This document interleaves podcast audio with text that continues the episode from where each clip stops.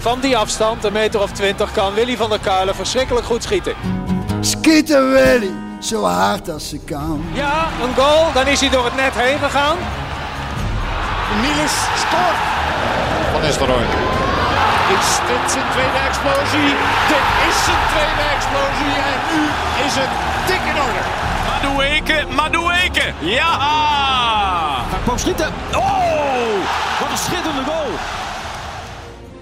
Nee, dubbel. Dubbel, kan eigenlijk niet fout. Dat heb ik gisteren ook tegen Lennart gezegd. Moet eigenlijk, gewoon- eigenlijk moet je gewoon je telefoon meenemen. Nee, maar eh, Sjoerd heeft de knoppen zo ingesteld eh, dat, we, Alles dat, doet dat, hij, het? dat hij dubbel opneemt. Ja, want het, dubbel. het schijnt nog wel eens mis te kunnen gaan. Eh, we, hebben, We hebben net het wordt een bijzondere, bijzondere uitzending. We hebben een, eh, een hele leuke gast. Het is een gast Ja. die, eh, die eigenlijk van alle PSV'ers het meest op de foto staat. Ieder, Oh. Iedere, iedere keer. Mag ik daar meteen op inhaken oh, Ja. als, ik, als je het hebt over foto? Ja? Ik, ik zag namelijk laatst eh, een foto, eh, eh, voor- de cover van de Linda. En er stond eh, Hugo de Jonge voorop. Ja. En eh, weet je wat het eerste was wat, wat ik toen dacht? Zal ik tegen jou zeggen? Het eerste wat ik toen dacht? Nee, wat dacht- was het allereerste? Het, het eerste wat door mijn hoofd schoot, is echt zo. En ik zeg die foto was denk ik een eh, reclame of zo in de in eh Eindhoven's Dagblad van eh, dat Linda dan Ja. de advertentie. Het eerste wat ik dacht, zou ik te zeggen? het eerste wat ik dacht toen ik die foto zag, Hij bouwt de spanning op, hè? het eerste, wat, ik- het eerste wat ik namelijk dacht was, die is naar die fotoshoot gekomen op zo'n elektrisch stepje. Dat, is, dat is echt het eerste. Ik denk Met die schoenen van hem. Die is met die kekke schoentjes op zijn stepje gaan staan. Die is er naartoe gegaan. Die heeft daar gevraagd bij binnenkomst: waar kan ik mijn stepje zetten? Want die kun je natuurlijk niet buiten laten staan. Want die dingen kunnen niet op slot. Hè? Dat ze zeggen, nou zet maar in de gang, eh, Hugo. Er zijn wel toch wel zicht op. En toen heeft hij hem denk ik in die studio gezet. Want ik zie hem op die foto staan. En dan staat hij volgens mij naar een stepje te loeren. Op dat stepje gaat deze jongen haal ik gewoon morgen naar huis. Ja, Ik dat, zat in het park namelijk, Marco, en toen dacht ik, want ik heb daar, toen zag ik, eh, zat ik in mijn eentje in het park, eh, afgelopen zaterdag ga ik een stukje wandelen en dan lekker een beetje dingen door je hoofd laten gaan. En toen zag ik een kind op een gewoon ouderwets stepje voorbij komen. En toen dacht ik, ja, daar is het voor bedoeld. Je zet een kind niet in een auto en een volwassene niet op een stepje. En dan komt dat argument, ja, het is wel makkelijk. Ik denk, ja, maar je gaat ook niet op een elektrische skippiebal van A naar B, toch? Oeh, ligt gewoon hoe hoog die gaat, joh. Dat is nog hard. Precies, maar, maar, eh, maar dat dacht ik. En toen dacht ik ook, toen ik het nou toch over heb, toen ik in het park zat, zat ik nou, kwam ik dus op Hugo Jongen, op die foto, toen ik dat jongen op dat stepje zo, toen dacht ik, hij is, hij is eh, basisschoolleraar geweest. Ja. Ja, en toen dacht ik, hoe is die man in godsnaam in, in de politiek terechtgekomen? En dat dacht ik dus toen ook, omdat ik daar toch maar zat. Toen dacht ik van, ik denk dat ik weet hoe dat is gegaan. Ik denk dat hij, hij eh, op school zat en dat de directeur zei, Hugo, eh, wil jij even in mijn kantoor komen? Dat hij zei, ja natuurlijk directeur. En dat, dat hij in, in het kantoor zat bij de directeur. En de directeur zei, Hugo, luister, we zijn het hier allemaal over eens dat jij echt prachtige dingen in elkaar knutselt van papier en eh toiletpapierrolletjes. maar er komt iets meer bij kijken als leraar. Je moet namelijk ook, eh, ja, als je dan zo'n klasje hebt, 20, 30 man en eh, kindjes, en die moeten een beetje bij elkaar zien te houden. Hè. Dat zorgen als die kindjes ruzie maken, dat ze dat niet gaan doen. En, en eh, bovendien, als je dan geschiedenisles geeft, dat je dan ja, zorg dat die jongen daar iets van leren. En op al die vlakken scoor jij toch een dikke onvoldoende. En toen denk ik dat die directeur heeft gezegd, als grap, weet wat jij moet doen? Je moet de politiek in. En dat hij dat toen serieus heeft genomen. dat dacht ik. Zo is het gegaan. Nou, ik denk dat het zo gegaan. Zo is het gegaan. Ja, goed. Maar daarover... eh, daarover Ik ga onze gast even netjes, eh, netjes, eh, netjes introduceren. Het is een, eh, een bijzondere aflevering, want deze man is in, in, in coronatijd bij PSV eh, denk ik een van de minste benijde mensen. Omdat het eh, elke keer als PSV eh, niet voetbalt met publiek, dan kost dat een miljoen. Daar gaan we het uitgebreid over hebben. En dan moet Frans Jansen, welkom Frans, de commercieel Ja, directeur van PSV, Ja. Die moet dat eh, dichtfietsen. Ja, dan word ik uitgenodigd voor podcast opeens. Ja, En voordat we, beginnen, eh, voordat we daarop ingaan, ik ga het iets meegenomen, Frans. ja appelflappen. Open flappen. Nee, ik heb gisteren even bij Thijs, Thijs Legers even gepolst van, eh, god, eh, ik ga erheen. Hij zei, één tip. Ik zei, ja, graag eten meenemen. Ja. En, Dus, en- ik ben, dus ik ben vanochtend eh, bij de bakker geweest bij ons in het dorp. eh, ik, Godfried de Vocht, de Godfried- echte bakker. de, de enige echte bakker, appelflappen, één, mi- één minuutje in de oven, minuutje, dus ze. Niet te lang, want dan wordt het echt één grote eh, Precies, suikersmurrie. Nou, één minuutje in de oven, want El die is boodschap, die is inkopen doen. eh, welk dorp Frans? Ik woon in Waalre op dit moment. Nou, ik, ik kom uit Valkenswaard. Ik zeg altijd, ik ben eigenlijk echt een Valkenswirtse. Ja? Eh, maar op dit moment woon ik in Walre, ja. ja. Eh, je kent het con- concept van de podcast een beetje. Er is geen concept. Nee, er is geen concept en het duurt altijd heel lang. En ik hoor al iedereen smekken en dat soort Wat? dingen. Dus ja. Wat voor jou ook weer eh, een, eh, een uitgelezen kans is om, om je tijd te pakken. Want je, hebt de tijd Heel in deze, je hebt de tijd in deze podcast. Ja, Dus dat leuk, is, dat leuk. is mooi. ja. Ehm, voordat we ingaan op, op jouw werkzaamheden en op de huidige prestaties van PSV en op dat wat er gaat komen. Toch eerst even de mensen een beetje eh, ja, vertellen wie je eigenlijk bent. Want je zegt Valkens, Valkens Weertse, Ja, Valkenswaard. Ja. ja. maar ook Eindhovenaar toch? Eh, mijn ouders komen echt uit Eindhoven. Ja. Eh, Lodewijk Napoleonstraat, dat is bij het stadion, dat weet Björn wel. En Wilhelminaplein. Dus, die, dus die, die zijn op, op elkaar verliefd geworden, 100 meter van elkaar af. En ehm, dus ja, heel veel in Eindhoven geweest. Maar mijn, mijn ouders, toen ik werd geboren, woonden we in Valkenswaard. En mijn broer ook. En daar eigenlijk opgegroeid, gevoetbald, alles gedaan. Ehm, in Maastricht gaan studeren. Ik was 21 toen ik van het VWO afkwam. Dus ik parkeerde naast de leraren altijd met mijn auto. Heel goed. Nou ja, gewoon genieten. In Valkenswaard was echt fantastische middelbare school toen. Hè. Gewoon nog bier voor een gulden op vrijdagmiddag. kijk. Dat, kon allemaal nog. En eh, in Maastricht gaan studeren. eh, rechten, strafrecht en uiteindelijk criminologie. Zo, Ja, heel grappig. Ehm, bijzondere tijd voor jou dan, als je met die achtergrond nog even kijkt. ja, ja, het is echt wel als ik nu alles zie wat er allemaal gebeurt. eh, in de wereld, maar ook in Nederland. En eh, ik moet zeggen, criminologie vragen mensen wel eens ooit van, doe je er nog iets mee? Dan zeg ik ja, elke dag. Want het is echt gewoon het nadenken, waarom zegt iemand iets? Waarom doet iemand iets? Waarom reageert iemand op die manier? En dan kun je eigenlijk elke dag gebruiken. Hè? Of het nou in de supermarkt is, of in een gesprek, of eh, vandaag. En als, jij, als ik dan, eh, want, want criminologie is uiteindelijk niet jouw professie geworden. Nee, we gaan nee. uitgebreid straks praten over wat het wel is. Ehm, maar mag ik je dan, nu je toch dit aanstipt, eh, iets, iets vragen over afgelopen week? Hoe kijk, hoe kijk jij dan? De appelflappen, appelflappen ruiken heerlijk. Hoe kijk jij dan, eh, Frans, naar de afgelopen week met al die ongeregeldheden overal her en der in het, in het land? Eh, da, daar, daar zit toch ook, dat raakt toch ook aan, nou dat is gewoon crimineel gedrag toch? Dat, dat, dat heeft toch niks te maken met frustratie en onvrede en... en dat is Ja, toch, ook wel, denk ik. nou, ik vraag het even aan Frans. Ja, ja. Nee, nee, precies. Ja, nee, maar precies dat. Kijk, daar hoef je niet echt criminoloog voor te zijn, denk ik, om, om, om te zien wat er gebeurt in Rotterdam. Hè. Eh, Ja, Rotterdam. Wat is vrijdagavond, geloof ik. Ja. En daarna in alle andere steden. Ja, dat zijn. ehm er wordt heel hard geroepen natuurlijk heel snel voetbalhooligans. Nou, ik, ik zeg altijd pas op om, eh, om ergens een sticker op te plakken. Hè. Ehm, ze zullen er best wel tussen hebben gelopen, maar Ja, dat was een combinatie van alles. het hè? was een combinatie van, van, denk ik, drie, vier verschillende groepen van de echte demonstranten die het misschien gewoon goed bedoelen. Hè. Die 100, 200 man, die, die gewoon echt een mening hebben. En, ja, ik heb ook in China gewoond, dus ik ben blij dat ik in Nederland woon wat dat betreft. Je mag hier een mening hebben. Ehm, en, daar, en daar moet je wel trots op zijn en heel erg koesteren. Maar dat trekt dan ja, ook, ook groepen aan. En dat noem jij criminelen. En dat zijn het dan op dat moment ook. Als je ziet wat er tegen de politie en wat er tegen de ambulance en de brandweer. Maar ook gewoon tegen ondernemers. Hele, hele, Ja, ja. hele winkels die gesloopt worden. Denk van die mensen die moeten de dag erop weer gewoon die winkel gaan opbouwen. Hè? En ze hebben het al niet makkelijk de afgelopen tijd. En dan ben je. Ja, ik, ik ik denk dat er een hele grote groep is die gewoon echt geen flauw idee heeft wat ze doen. Dat ze echt geen flauw idee hebben. Dat ze gewoon achteraan lopen en een steen pakken. En ze hebben geen flauw idee waar ze het naartoe gooien. Maar die moet je eigenlijk het hardst aanpakken. ja, en dat is het ook. Echt hard aanpakken. Want dat, en, maar daar moet wel capaciteit voor zijn. Ja, nou wijs ik weer naar China. Ja.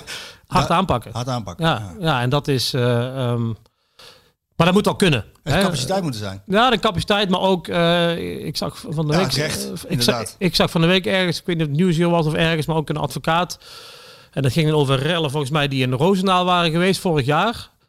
En dat geen enkel van degenen die ze op hebben gepakt uiteindelijk een euro heeft hoeven betalen. Ja. Want ze kunnen niet aantonen dat de steen die jij gooide, wat die nou precies voor financiële impact hebben gehad. Ja, financiële dus- schade hebben aangericht. Dat is dus een middelvinger naar alle politie, naar alle overheidsmensen. ja, maar dat is wel de wet. Maar dat is wel de wet. Dus die, die wet, die, wet dus die eist in Nederland dat je precies kunt aantonen. Ja, maar dat kan dus niet. Dan moet je dat veranderen, toch? Dan moet je dat misschien eens gaan veranderen, ja. ja. Even kort, dit, dat was even kort dit zijpaadje, omdat je zei criminoloog. Nou criminologie. ja, nou, criminologie. Toen ben ik, ik zal het kort houden, want anders zijn we hier weg. Nee, Eh, nee, nee, de tijd, joh. Toen ben ik gaan werken bij de Lage Landen, de leasemaatschappij eh, hier in Eindhoven. Eh, en het grappige is dat ik daar eh, zo'n 22 jaar voor de Lage Landen groep heb gewerkt, maar nooit in Nederland. Nee, heel, door heel buitenland, vestigingen. eh, ja, begonnen in Duitsland, toen naar Scandinavië, in Stockholm gewoond, vier jaar. Toen naar Centraal-Oost-Europa, vier jaar in Boedapest gewoond. Toen naar Azië-Pacific, eerst in Shanghai gewoond, toen in Singapore gewoond. En toen uiteindelijk CEO geworden van Atlon. Dat is weer de autolease-dochter van de Rabobank in Almere. Dus Düsseldorf, Stockholm, Boedapest, Shanghai, Singapore, Almere. Ja, of dan zo Ik goed thuis- jij, hebt uit een koffer geleefd, als ik het zo vrij mag vertalen. Nee, familie ging altijd mee, hè? Dus we ging gingen, altijd mee. ja, we gingen met de drie kids en, en Suzanne, mijn vrouw en de hond, gingen we de hele wereld over. Dat was fantastisch. En toen werd ik teruggevraagd om uiteindelijk dan in Nederland CEO te worden van Atlon. Vanuit, vanuit Almere. En dat heb ik gedaan. En uiteindelijk eh, ehm, eh, heb ik Atlon mogen verkopen. Vanuit de Rabobank groep. Strategische beslissing. Verkocht aan Daimler, Mercedes. Eh, daar nog een jaar eh, de integratie eh, mee ondersteund. En toen besloten om, om te stoppen. Je wilde altijd al in het voetbal. Toen kwam FC Eindhoven. Nee, goed. FC Eindhoven kwam toen ik al bij Atlon zat. Ik was voorzitter bij FC Eindhoven. Hè. Ja. Dat is een vrijwilligersjob. Oh, Hè, toen de RWC van FC Eindhoven mij vroeg, zeiden ze twee uur ongeveer in de maand. Nou, dat werd ongeveer 20 uur per week. Maar dat was superleuk. Heb ik heel veel geleerd. Want dat was mij echt mijn eerste, eerste voorzittersrol. Maar, ja. maar, maar er zat gewoon een directeur. Dus het was echt vrijwilligerswerk in de avonturen regelmatig vergaderen. En af en toe naar het stadion. Dat was gewoon leuk. En dat heb ik één jaar gedaan. Omdat uiteindelijk, toen ik bij Atlon stopte, heb ik vier maanden eigenlijk een sabbatical gehad. Of eigenlijk gezegd, ik wil even helemaal niks. Je, heel- de hele wereld rondgereisd. En ik wilde eigenlijk, ik wilde sowieso niet meer de financiële wereld in. Dat ik helemaal klaar mee. Ik wilde alleen maar leuke dingen doen. En eh, ik, ik zie wel wat er op mijn, op mijn pad komt. En dan kan een microbrouwerij zijn, dan kan de horeca zijn, dan kan iets heel anders zijn. Het kan iets in de sport zijn. Mijn vrouw helpen met de, met de bokschool die ze heeft. Ehm, en uiteindelijk belde toen een keer eh, PSV. Ja, ik heb wel eh, al heel lang een seizoenkaart. Ondertussen vier- 44 jaar. Vanaf mijn zesde maar met... jij bent hoe oud? 52? hè? 51 bijna. Ja. Ja, dus eigenlijk vanaf mijn zesde met mijn opa en mijn vader... eh, Want opa en oma wonen bij het stadion. die wonen bij het stadion. Ja, ja. Naast Steentjeskerk, waar nou al die appartementen staan. Ja, Ja, ja. En ja, dan schrik je eigenlijk kapot. Want dan denk je, ja, wacht eens even. De- bij, bij mijn droomclub, ik, word echt, ik, ben, Nou ja. ik, ik was en ik ben echt PSV Hoef je gek. toch niet over na te denken. Nou, juist wel. Want je wil, je wil natuurlijk ook wel weten van, wat houdt het dan in? Hè? eh, commercieel directeur bij PSV, nou, daar zullen we het misschien ook over gaan hebben. Maar wat houdt hij in en wat verwachten jullie van mij? En wat willen jullie eigenlijk zelf met die club? Jij hebt geen seconde nagedacht. Jij Oh. hebt gewoon gezegd Nee, van, natuurlijk. nee. Nee, want ik was zo bang. de vraag niet eens afmaken. Nee, dat is niet waar. Want, ik, was, want ik was zo bang dat die, dat enorm mooie beeld van de club, dat die, zou, dat die uit elkaar zou klappen, die blom. Ai. Ja. Dat, dat je denkt, wacht eens even, het, het is helemaal niet zo mooi. En, en, en dat je na vier maanden denkt, shit, wat doe ik hier? Ik ben hier reclamebordjes aan het verkopen. Ja. Niks mis mee, maar dan denk ik dat ik na vier maanden wel zoiets had van, shit, ik wil weg, maar ik kan niet meer weg, want je kan je club niet in de steek laten. Uiteindelijk is het, is het veel meer geworden dan alleen reclamebordjes verkopen. Komen we komen we zo meteen op. Ehm, eh, ik vroeg mij af. Heb jij zelf nog een voetbal? Jazeker. Ja? Ja, ja ik, heb bij, eh, ik ben begonnen bij Valkenswaard. Ehm al vrij jong met eigenlijk mijn hele jeugdteam daar in het eerste gekomen. Ehm, toen heb ik de overstap gemaakt naar eh, de Valk in hetzelfde dorp. Moet je nagaan. Eh, wat, wat weer net iets hoger was, eerste klas, hoofdklasse, die, die kant, was ik eigenlijk net niet goed genoeg voor. Maar ik zat wel altijd op de bank. Jan Porfliet als trainer gehad daar. En dat, was, eh, en, dat, en dat vond ik fantastisch, want ik was een hele. Ik studeerde toen in Maastricht. Dus ik kreeg geld om te voetballen en ik kreeg zelfs geld om te komen trainen. Dus ik reed van Maastricht terug en dan ging ik in de eerste minuut zogenaamd om enkel en reed weer snel terug naar Maastricht. En dan kreeg ik 25 gulden. Hoeveel? 25 gulden kreeg ik per training. Per training. En En, die, voor- en voor die s'avonds in? Maastricht gingen die weer op. En voor de wedstrijd? Ja, dat hing er vanaf. Weet ik eigenlijk niet meer precies. Dat hing er vanaf dat je won, verloor of ja, als je verliest niks. En als je gelijk speelde, geloof ik. Ouderwets envelopje? Ja, ja. ja. maar goed, je praat over eh, Ja, nee, begin jaren 90. Hè? Maar dat is wel leuk toch? Ja, en toen uiteindelijk. eh, Maar dat, dat betekent dat je nog wel redelijk kon voetballen. Ja, dat kon ik ook. Ja, en toen uiteindelijk eh, bij de Dozzel, do, door oefening sterk leende. Ja. Want mijn vrouw kwam met leende en daar ben ik eigenlijk ja, niet af gaan bouwen. Want uiteindelijk hebben we daar ook promotie gespeeld naar de tweede klas. Net niet gehaald, penalties verloren. Ik ging wel steeds verder naar achter. Uiteindelijk ben ik geëindigd 20 meter eh, achter mijn voorstopper. Als laatste man. Oh, dat ik, was niet de, ik was niet de snelste. Maar ik, ik had wel wat inzicht, ja. En, en ik, eh en ik eh, schroomde het duel niet. Ik heb veel uitgedeeld. Ik heb ook veel ontvangen. Dat was, uiteindelijk ook mijn einde. Want uiteindelijk ben ik een keer heb ik in één wedstrijd één enkelband gescheurd en de andere enkel gebroken. Door één tackle. Ai. Maar die had ik ook verdiend. En hoe oud was je toen? Ja, dat was net voordat wij gingen emigreren. Dus eh, dat was denk ik, toen was ik eh, 32 denk ik. Oh, dus je hebt echt, echt lang gevoetbald wel. Ja, Ja. 32 is niet zo oud, Nee, of wel op vanaf- amateurniveau. nee, vanaf wel heel mijn leven, heel mijn Ja, leven. ja, Ja, ja. En toen ben ik trouwens in Singapore ben ik weer gaan voetballen.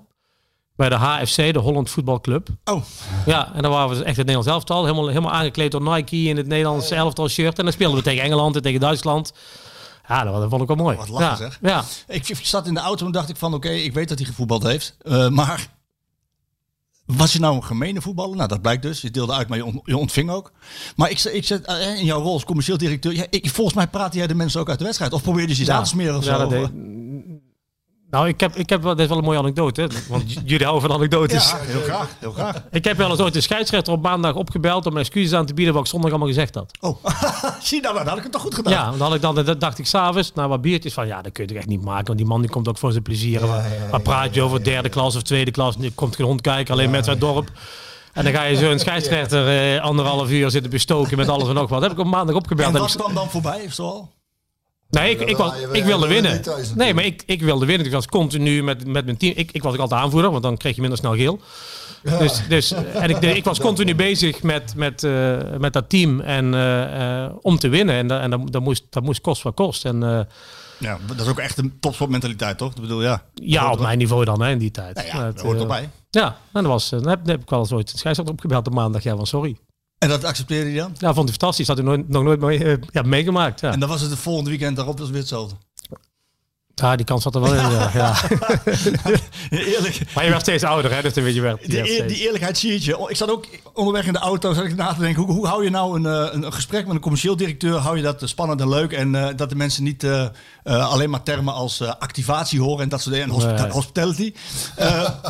Toen zat ik te denken, nou ja, Sjoerd doet een poging met wat stoppeltjes en, een- en, een- en, en, en een klein dingetje. Of ze, Björn en ik, Björn die heeft natuurlijk een, een, een mooi volgroeide baard. Ik, eh, ik doe een, met, mijn op, peper, met mijn peper en zout baard een aardige poging. Kan een commercieel directeur een, een, een baard hebben?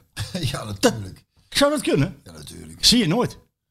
Het is altijd netjes, strak in het pak, goed geschoren. Het is een presentatie altijd. Ik ben nu even aan het denken bij al mijn collega's bij de andere clubs. Maar eh, ja, dat weet ik niet. Ja. Dat klopt hè, wat ik zeg. Maar waarom niet? Ja, het is niet zo Maar dat ik- het klopt wel wat ik zeg.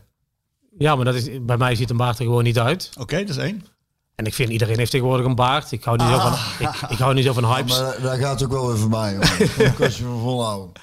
Nee, nee, nee, daar geloof ik niks van. Nee, wa- wa- wa- waarom niet? Weet je, dat... eh, Nou ja, omdat ik eigenlijk wil, ik wil eigenlijk er naartoe dat, dat jouw vakgebied is volgens mij altijd gaat, gaat veel over presentatie en uitstraling. En het moet netjes, en het moet fatsoenlijk en goed. En in, in plaats van het, het, hele losse. Het zit wel heel strak in elkaar allemaal. Ja, dat klopt wel. Ja, dat klopt. Ja, goed, je moet natuurlijk altijd klaar zijn voor, voor, voor je verhaal te doen en, en, en de club te aanhalingstekens verkopen. Ja. En, maar dat heeft niks met een baard te maken of een pak of een, of een stropdas. Weet je? En, eh, nee, Klaas Dijkhoff in de RVC kan bijvoorbeeld prima. Hè? Ja, nee, dat gaat helemaal prima. En, en, en ik geloof, eh, ik ben wie ik ben. En ik krijg wel het compliment, je bent in de kroeg en Valkenswaard hetzelfde als bij PSV eh, in de bestuurskamer. En dan maakt het wel heel makkelijk. Dat vind ik nooit iets te onthouden, zei mijn vader altijd. Ja. Heel goed. Ja. Eh, soms raken we ook even de actualiteit. Nou ja, Björn deel een poging met... Ik pak eh, een stukje ja, appelflap. pak lekker zo'n Ze zijn heerlijk. dan. Probeer ondertussen ook te praten. Dat kan echt. Ja, dat Eh, kan gewoon. dat- dat- Je mag gewoon knoeien, want er moet toch nog gestofzuigd worden. door Ellen. Jongen, ik stofzuig hier regelmatig. ja, Echt waar? ja, jongen, echt wel. Eh, ik in. soms raken we goed. ook de actualiteit een beetje. Nou, je deed een poging met Hugo de Jonge en eh, Linda. Eh, ja, vond ik, ja. Vond ik, ja, dat was gewoon wat ik dacht toen ik die foto zag. Ik denk, die is Ik- op zijn step. Gisteren was er voor mij ook wel een momentje dat ik dacht van moeten we even benoemen. Eh, Simon Kistenmaker. Is overleden. Oh, is dat is lang geleden. Simon Kistenmaker. AZ toch? Nee, meer eh, Telstar, de Graafschap, Utrecht. Die, eh, de, de- ik dacht, de- eh, heeft hij me niet, niet, niet bij AZ gespeeld dan? Nou, daar- de meeste bekendheid heeft hij gekregen door, door wat hij bij de Graafschap heeft gedaan. Daar Dat is lang geleden toch? de- is de laatste culttrainer van, eh, van Nederland, zo wordt hij genoemd. En ehm, de reden waarom ik, eh, waarom, waarom ik me even aanhaal is omdat hij die man heeft over anekdotes gesproken. had. Die, had, die heeft een, niet een, een, een boekje vol, maar een hele encyclopedie-reeks vol met fantastische anekdotes. ja, uit de tijd dat je nog mooie anekdotes kon maken Ja, eigenlijk. hè? ja, eigenlijk wel. En een van de, een van de dingen die hij die, die, die, die bijvoorbeeld zei was... eh, eh, nou, dan vertelde hij over hoe zijn wedstrijdvoorbereiding was. Hè. Dan moet je je voorstellen dat je dit bij PSV doet. Je zou, je zou het kunnen proberen, Frans. Misschien Nou werkt het. Uitwedstrijd naar Heerenveen. Hè, daar had hij het ook over. De uitwedstrijd naar Heerenveen. En dan, eh, dan zette hij een pornofilm op. Daar, daar wordt iedereen lekker scherp van. En, en, eh, en dan kapte hij in de helft af. Ja. Op de helft. Als jullie winnen, dan mogen jullie de tweede helft. Ja, mogen dat soort dingen. Ja, zijn ja, ja, dat zijn goede methodes hoor. En als ze vroegen van eh, eh, eh, Simon, hoe, hoe drink je je koffie? Ja, Irish.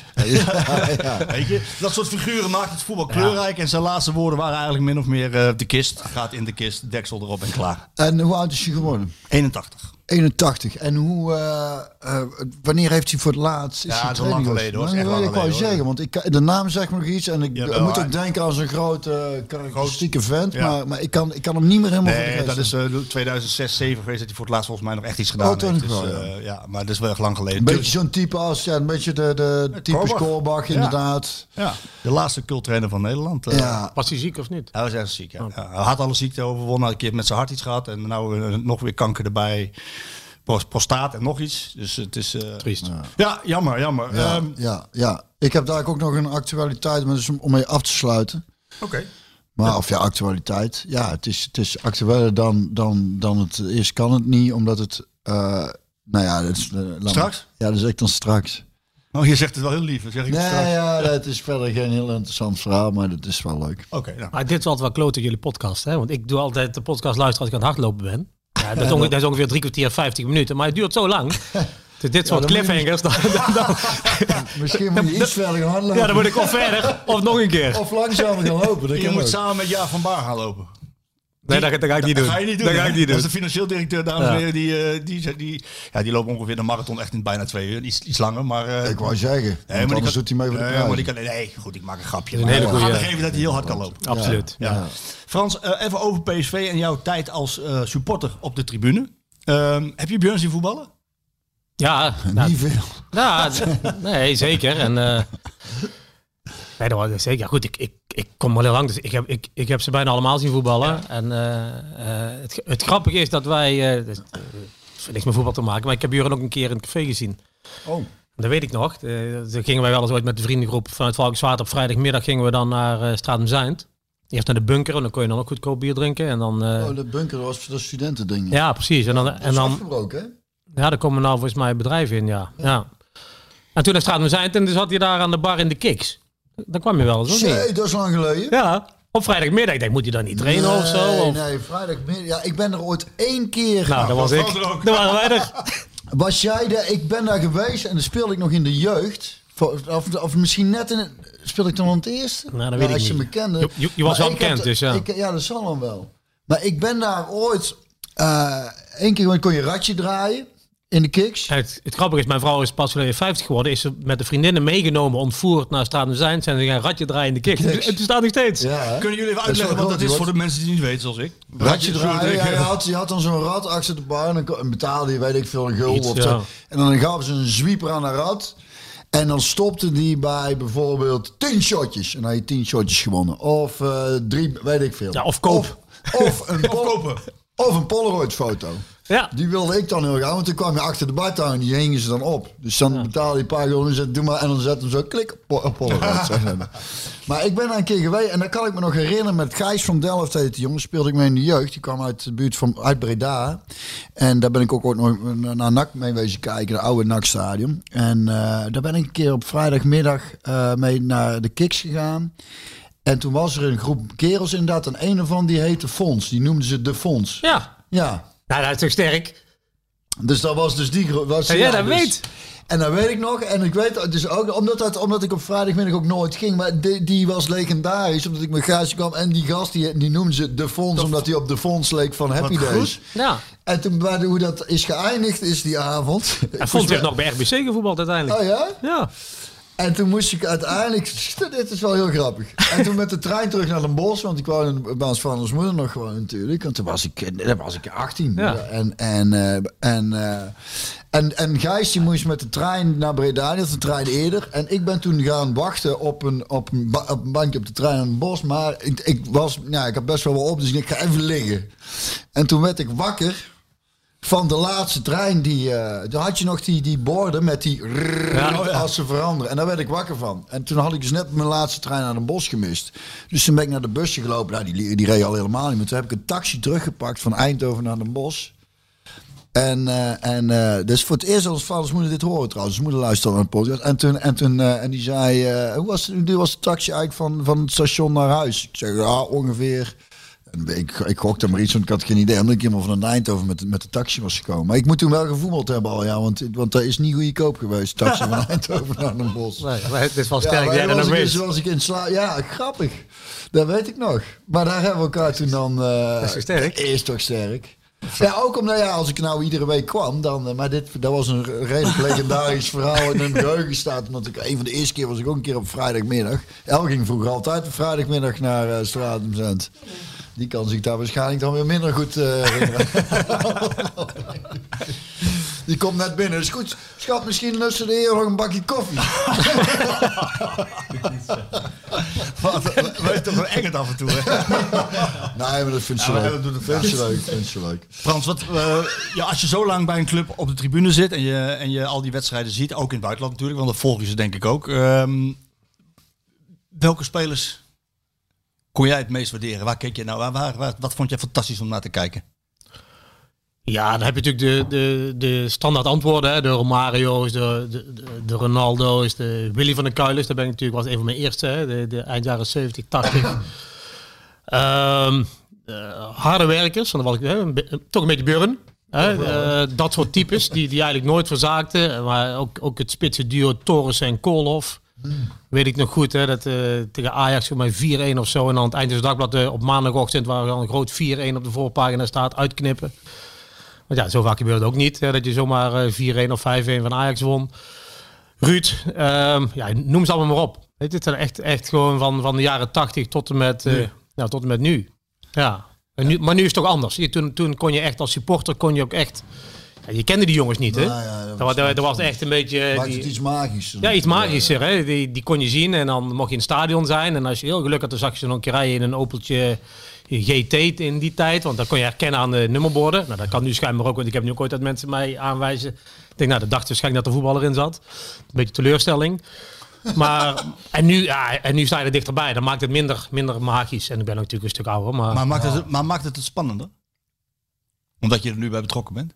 Nee, nee. Ik denk dat ik als supporter ehm, eh, veel nerveuzer was voor belangrijke wedstrijden dan nu. Ja, ja. Dat, ehm, Dat kan ik me nauwelijks voorstellen. Omdat je als, Ja. je, als je die Benfica-wedstrijd speelt... nou, maar dat besef je. Kijk, je beseft rationeel wel wat de impact is. Maar winnen, verliezen, meegaan in emotie. ehm, op tribune met je maten. Weet je, daar is toch, je, je, je, je fokt elkaar op. Je zit al uren van tevoren zit je al in de stad. Ja, dat- die wedstrijdspanning die wordt gewoon opgebouwd de hele dag. En als ik nu bij een wedstrijd ben, of het nou tegen Vitesse is of tegen Benfica, maakt niet uit. Ben het werk. Totdat ik op mijn stoeltje plaatsneem, meestal één minuut voordat de aftrap is. Want ik wil nooit te laat komen. Maar dan ben ik even anderhalf uur afgewerkt. En dan ga ik gewoon zitten, klaar. En daarna begint het weer. En wat doe, je voor, wat doe je voor die tijd? Dan ben je gewoon Netwerken, ja. gast, eh, gastheer, ja, netwerken, business praten, rooms be- business. Bezoeken, praatjes doen. eh, drie, vier praatjes voor een wedstrijd. Nog eentje in de rust. Dat lijkt me af en toe wel vermoeiend. Presentatie. Lul met al die Ja, weet je wat ooit aan mij vragen van, je hebt een fantastische job. Ik zei, dat klopt, maar mijn minst leuke werkdag, en heeft niks te maken met de mensen die ik allemaal mag ontmoeten, is de wedstrijddag. Ja, snap ik. Want? Ja, dan ben je Ja, alleen maar... maar dan zou je natuurlijk het liefst gewoon, kijk, mijn zoon is nu ook 16 en mijn dochter zijn 20 en 18. We gaan allemaal naar PSV. Ik heb nog steeds vier seizoenkaarten. En die zitten allemaal bij mijn vriendengroep. Dus heel, dat is één grote vlek van vrienden uit Valkenswaard waar zij dan bij zitten. Zo en, moet voetbal beleven en zijn. daar zit ik niet meer bij. Oh ja, dat is jammer. Ja. Dus mijn zoon gaat nou naar Stratum Zijnd op een wedstrijddag met zijn vriendjes en, en die vaders, wat mijn vrienden zijn.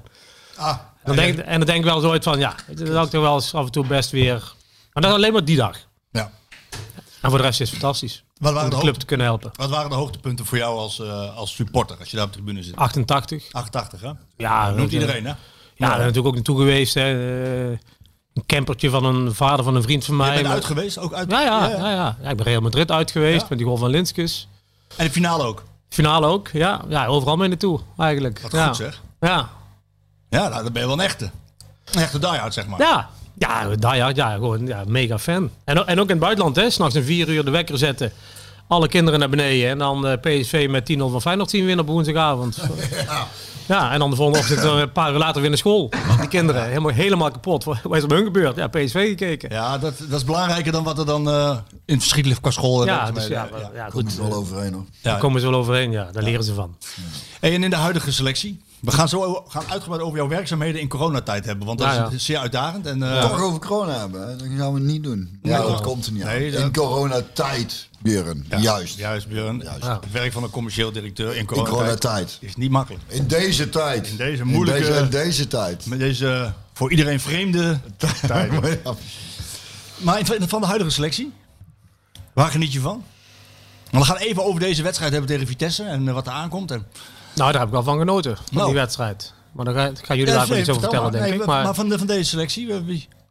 ja, ja, god, eh, ook weer heel breed. Weet je, natuurlijk met Cody, ja, daar heb je toch een band mee, hè? echt Eindhovenaar. Dat is altijd, is altijd mooi. Ja. Gewoon ook, en ook een ontzettend fijne gast, fijne jongen. ehm, en dan zou je weer zeggen, hier in Brabant komt uit een goede nest. Ja. Hè, dat zie je gewoon. En dat m- merk je aan alles. Maar het zijn Mario Gutsen, hè, dat is natuurlijk onze, on- onze wereldster. Ja, ook zo'n man die zo benaderbaar is en die gewoon zo professioneel is. Hè. De- Dat is ook altijd grappig als je die ergens voor nodig hebt.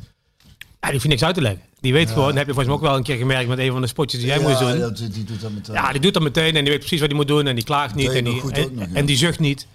Wat je toch wel een beetje hebt bij deze generatie. Volgens mij je, ook wel een grappig ventje. of Heel grappig ventje, dat ja. is, eh, als ik hem zie, moet ik toch altijd denken, volgens mij is dat wel een... Maar zo kan ik er ook 6, 7 noemen, maar dat is denk ik niet de bedoeling van vandaag. Maar dat, ja, ik, ik vind het gewoon... Het zijn allemaal mensen met een verhaal. En dat verhaal moet je er af en toe een beetje bij proberen te aan. Bij de ene gaat dat makkelijker dan bij de ander. De ene is benaderbaarder dan de ander. Maar dat moet je ook vooral zelf proberen. Ja. Is het eh, voor de jongens, is het voor jou lastig om de jongens te bewegen voor commerciële doeleinden? Of staat gewoon in het contract natuurlijk dat je zoveel eh, commerciële dingen moet Ik doen? weet niet eens of dat in het contract staat, maar eh, ik, ik probeer altijd gewoon uit te leggen waarom we het doen. hè. en dan moet ik zeggen, dat doet niet alleen wij als commercieel team, hè, maar er is bijvoorbeeld Bas Roorda is er heel belangrijk in. eh, Sanne, hè, onze persvoorlichter, is er heel belangrijk in om de jongens erbij te halen en dan vooral uit te leggen waarom we het doen. En dan is bij PSV is dat niet zo moeilijk. Ja, nu is het natuurlijk wel even een moeilijke tijd geweest in corona, hè, want ja, het was toch die bubbel. Ja. Er is toch wel veel, nou, sorry, activaties. eh, ehm, Ik zei het? Ehm, je komt ja, ja, die, die je dan niet kunt doen. Hè? Want ja, er komen toch veel mensen bij kijken bij zo'n eh, bij zo'n opnames of wat je dan ook doet. Maar het, het, het is niet moeilijk inderdaad om, om, om die jongens erbij te krijgen. En of het in het contract staat, ja, het zal wel. Maar dat heb ik nog nooit hoeven te gebruiken, gelukkig. Nee, en als het goed gaat eh, bij een club, sportief wordt het ook makkelijker, eh, Tuurlijk. denk ik. Eh, ja, hè. Hoe heb jij naar die wedstrijd gekeken, Björn, eh, tegen Vitesse? Frans, nu jij. Want Björn, Björn gaat zeggen dat hij hem niet gezien heeft. Jij hebt wel gekeken. Ik had... We hadden, we hadden eigenlijk vrijdag een borrel staan met vrienden. Die is verplaatst, hoor ik nu. Ja, want wij hadden onze coach, ons middelste, die had een uitwisselingsproject met school. Dus er was een Pools ventje, was, heeft hier een week in huis gezeten. Ja. Dat was heel leuk. Het was een heel verlegen, eh, lief eh, jochie. En, ehm, maar die moest op zaterdagochtend naar eh, het vliegveld gebracht worden. Dus toen hebben we die borrel verzet naar zaterdag. En er zijn goede vrienden van ons, Nadia en Carlo, luisteren trouwens ook al naar de podcast. En Nadia is trouwens diegene van die beker bier bij Guus in zijn uh, gezeten. en ehm, die zitten, die, eh, dat zijn wel echt hele goede vrienden die ook graag op tijd beginnen. Dus die, eh, die, die, die heb ik smiddags opgehaald. Dus ik heb helaas geen tijd gehad om naar het voetbal te kijken. Maar ik heb wel ehm, de samenvatting gezien. Ik heb de goals gezien. En eh, dit zag er wel echt prachtig uit. Frans, kun jij En, zeggen... en ons coach die kwam af en toe de tussenstand roepen. Want we zaten buiten onder de warmte. Oh, oké. Frans, kun jij zeggen wat hij gemist heeft, de eerste helft? Ik kwalijk... Nee, als jij, als jij zo gevoetbald hebt zoals jij gevoetbald hebt, dan heb je er ook best wel wat verstand van. Dus eh, vertel maar. en iedereen mag er iets van vinden. toch? Ja, een paar clichés, denk ik. Eh, ehm, buiten dat, dat het... eh ehm, ja, het- tiki-taki is een groot woord. Het liep, hè, continu aanspeelbaar. Maar ook de werklust. hè, enorme drang had, zag ik vanaf de tribune dat, dat, dat men wel gewoon wilde aantonen... oké, we hebben veel afwezigen, maar die tellen niet. Hè. Het gaat om degenen die er wel zijn. En dan gaan wij vandaag laten zien met z'n allen. Ja. Dat vond ik vanaf de eerste, eerste seconde vond, vond ik dat uitstralen. Ja, en dan zie je gewoon dat een, eh, een Bruma opstaat, een Sangaré die, die, die een wedstrijd speelt, eh, grandioos. Maar ook een Gutierrez. En, en, en het liep. En tussen de linies door, dat zag ik, heel veel beweging. Ja, en ik moet zeggen, was ik bang van tevoren? Nee, maar je weet wel, Vitesse hè, is toch wel een, eh, een goede ploeg. Wij hebben toch wel wat afwezigen. Dat gaat toch bij mij in ieder geval, bij de trainer hopelijk niet, maar bij mij wel van, oeh, oké, hoe zal hij spelen? Ik zie de opstelling ook pas een uur van tevoren of zo. Oké, interessant. En dan zie je dat het zo gaat. Ja, dan denk je, wow, dit, dit hadden we toch wel even eh, je, nodig. Weet je, ja, weet je wat ik er dan zo mooi aan vind? Want ik, ik, ik- dan, dan lees ik ook de krant en dus ik kijk de samenvatting. En dan vind ik dat zo mooi. Dat inderdaad, ondanks al die geblesseerden. En dan denkt die jongens dan invallen. En lees dan in de krant. Die doen het dan zo goed. En dat vind ik, dat vind ik sowieso voor, voor iedereen fijn. Maar ik vind het ook mooi dan dat ik daarin denk. En heel het wisselbeleid waar altijd kritiek op is geweest, denk ik. Ja, in hoeverre heeft het meegespeeld dat die jongens toch elke keer weer minuten heeft gegeven? In hoeverre betaalt zich dat? Is, is dit dan misschien wel de beloning voor het feit dat hij dus zo heeft gewisseld? Ondanks al die blessures, hè? Die, eh, die eh, als het goed is komt Luc van Acht niet volgende week, maar de week erop. Komt goed uit, want wij gaan uh, volgende week, wordt het misschien even lastig, maar dan komen we wel later. Oké, nou, dat zien we dan wel. Maar, uh, maar ik vind het wel mooi dan dat dat, dat ik vind het sowieso mooi als het met de club goed gaat. Maar als ook die jongens die, die dan, wat ik al vaker zei, van... Uh, ik wil niet zeggen dat jongens die op de bank zitten, uh, dat die, uh, dat die er houdt van kunnen. Snap je? Dus het is de, de, de, qua wisselbeleid, dat bedoel ik, hè? Dat, die, uh, ja, we hebben... dat je dus nu ziet dat, ondanks dat je met jongens speelt die in eerste instantie niet gezien worden als eerste keus, toch gewoon fantastisch kunt voelen. Ja, en, en, dat is en, mooi. En dat je ook ziet, Mauro Junior, die, die, staat, Ja. dan, die staat dan linksback. Ja. Nou, ik kon vroeger best veel, maar je moet, je moet me geen links of rechtsback zetten. Weet je, dat, eh, dat vond ik zo'n moeilijke plekken. Maar hij viel daar laatst al, ja, toen En heb hij ik het doet al dat. benoemd. En goed. En dat doet, toen viel hij rechtsback in volgens Ja. mij. Ja, en deed hij ook hartstikke goed. Hij heeft aan het begin van seizoen ook wel linksback gestaan. Ja, klopt. En dat is Eh, ook een jongen die regelmatig Ja. kritiek krijgt, toch? Van ja, dat is allemaal niet PSV. Of, hè, het is ook een van die jongens waarvan vaak wordt gezegd. Maar die, de, de- Als, je- als iedereen fit is, speelt hij niet. Nee, maar uit, hij blijkt dus als, als niet iedereen fit is en hij speelt wel, dan doet hij het wel goed. Niet altijd. En ik zou je In zeggen, deze wedstrijd deed hij het heel goed. ja, nou ja, goed. Dat, dat, dat- en dat mag toch benoemd worden. En er even zo- ja, niet altijd. Godverdomme, hij- wie doet het wel altijd goed? Maar als je niet veel kansen krijgt, moet je het goed doen als je wel kans krijgt. En dat deed hij nu. Zucht. Wat, ja, snapt jij dat ik af en toe moe word? Ja, Snap maar jij ik- dat Frans? Dat ik af en toe denk, Jou ja, volg ik meestal wel in deze podcast. maar- dat is toch mooi. En dat is de kwaliteit van zo'n jongen, dat vind ik echt. deze week in het blad hebben we een eh, interview met Ramaljo, André Ramaljo. En eh, we hebben ook uitgebreid eh, stilgestaan bij het Dreken voor, eh voor. Of ze Braziliaans, hè? De Of een deken, Drake, de deken. Of ze Braziliaans. We hebben uitgebreid gehad over een aantal topics en onderwerpen. En één daarvan was ook de, de trainer. Ehm, in combinatie met blessures en speelstijl. En Ramaljo gaf inderdaad eh, exact het antwoord wat jij nu hier eh, eh, ja, denkt te hebben kunnen zien in de samenvatting die je hebt gezien. Hebben, die Frans en ik de hele wedstrijd hebben gezien. Hij houdt, Ramaljo zei, hij, deze trainer houdt iedereen gemotiveerd. Ja. En praat met iedereen. Is geen trainer die alleen maar met, met de aanvoerders praat. Hij communiceert met iedereen, hij legt uit. Ehm, en hij stelt ze op als, ze, als, als ze nodig zijn. Geeft mensen speeltijd. Ook als anderen even rust moeten hebben. Waardoor hij iedereen erbij betrekt en erbij houdt. Ja, en dat, dat zag je nu terug in het veld. Dat heb, jij, heb je Mooi. goed gezien. En Bruma gaf na afloop. eh dus je zat bij de persconferentie na afloop. Kreeg hij natuurlijk veel vragen over weinig speeltijd. In combinatie met het feit dat hij nu wel topscorer is van PSV. Nou, die gaf ook aan dat Schmid. eh, nou, dat hij zich nu zo goed voelt, komt door Schmid. Hij voelt het vertrouwen van de trainer. Eh, ook al speelt hij niet altijd. Is prachtig? maar, ja, Vind ik Ja. Schitterend. Het is als een feit, dat vind ik zo mooi dat het zich nou bijvoorbeeld, nou ja, goed, na één wedstrijd, hè, één zwaarder maakt nog geen zomer, maar ik vind het dan zo mooi dat zo- zo'n trainer die zoveel kritiek heeft gekregen en dat van, vanuit, vooral vanuit die spelersgroep, dat, daar dan van, dat daar vandaan komt van luister. Feit dat ik nou vijf en die komt gewoon door de trainer omdat hij me vertrouwt. Daar heb het al vaker over gehad. Het kan niet zo zijn dat de ene jongen de, eh, eh, eh, de ene club hartstikke goed, de andere club niet en dat hij er dan geen flikker meer van kan. nee, het is wel En ik vind het mooi als, als het lukt met zo'n, met zo'n trainer. Met, met, gewoon zo'n mooi mens die zo positief mensen benadert. Dat er resultaat oplevert. Zo moet het godverdomme zijn, vind ik. Nou ja, en terwijl, terwijl als je kijkt wat Frans terecht zegt, volgens mij in mijn ogen, is dat als je kijkt naar deze wedstrijd. En je mist Madueke, je mist Cody Gakpo, je mist Eran Sahavi, je mist Jordan These, je mist Ryan Thomas en er komt nog een coronageval Philip Max overheen. Je speelt zonder publiek, hè, wat toch een belangrijke factor is. Ja. En je speelt tegen Vitesse, de nummer 5 van de Eredivisie, die met een systeem van vijf verdedigers en twee wingbacks, hè, de wingback speelt. Dat is, dat, dat is gewoon heel lastig te bespelen voor PSV geweest. En dan denk je van, nou, deze wedstrijd zullen ze wel, eh, problemen kunnen krijgen. Maar dan spelen ze de beste eerste helft van het seizoen. Dat vond, Ja. dat, dat vond ik erg opmerkelijk. Ja. Ja, Maar, jij, maar, ja, maar dat is ook opmerkelijk, toch? ja.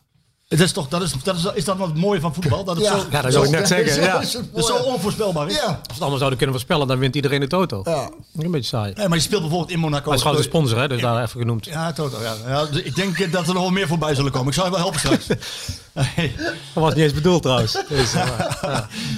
Jij hebt nog niet zo'n woordje. hè, van die dingen. Geen woordje. Zoals eh, Jean-Marie Faf hadden dat. weet je? Die, eh, maar ja, je denkt dus echt, hoe kan dat nou? Dat je zo goed voetbalt met, met Mauro Junior op linksback. Die verovert een bal. Daar Ja, ik heb het uiteindelijk- gezien. Daar komt een doelpunt uit. Ja. De, de, Maar wat is je antwoord dan? Doan, nou, dat is inderdaad dat deze spelers uiteindelijk toch het vertrouwen voelen om ook als ze wel de kans krijgen voor deze trainer en voor het team dit te kunnen opbrengen.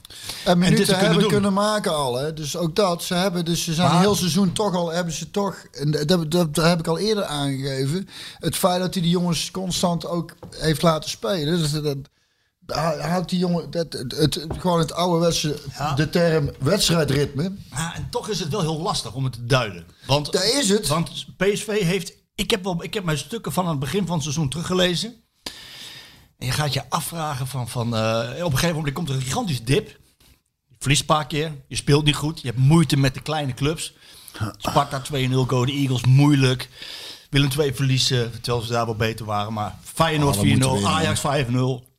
En dan denk je, en, en dan denk je van, waar heb ik nou naar zitten kijken aan het begin van het seizoen? Dat was, dat was toch echt heel goed, of heb ik me vergist? En dan komt die dip en dan, en, en dan vraag je jezelf dat af. En dan speel je dus nu met al die jongens die normaal gesproken niet spelen, speel je zo'n hele goede wedstrijd.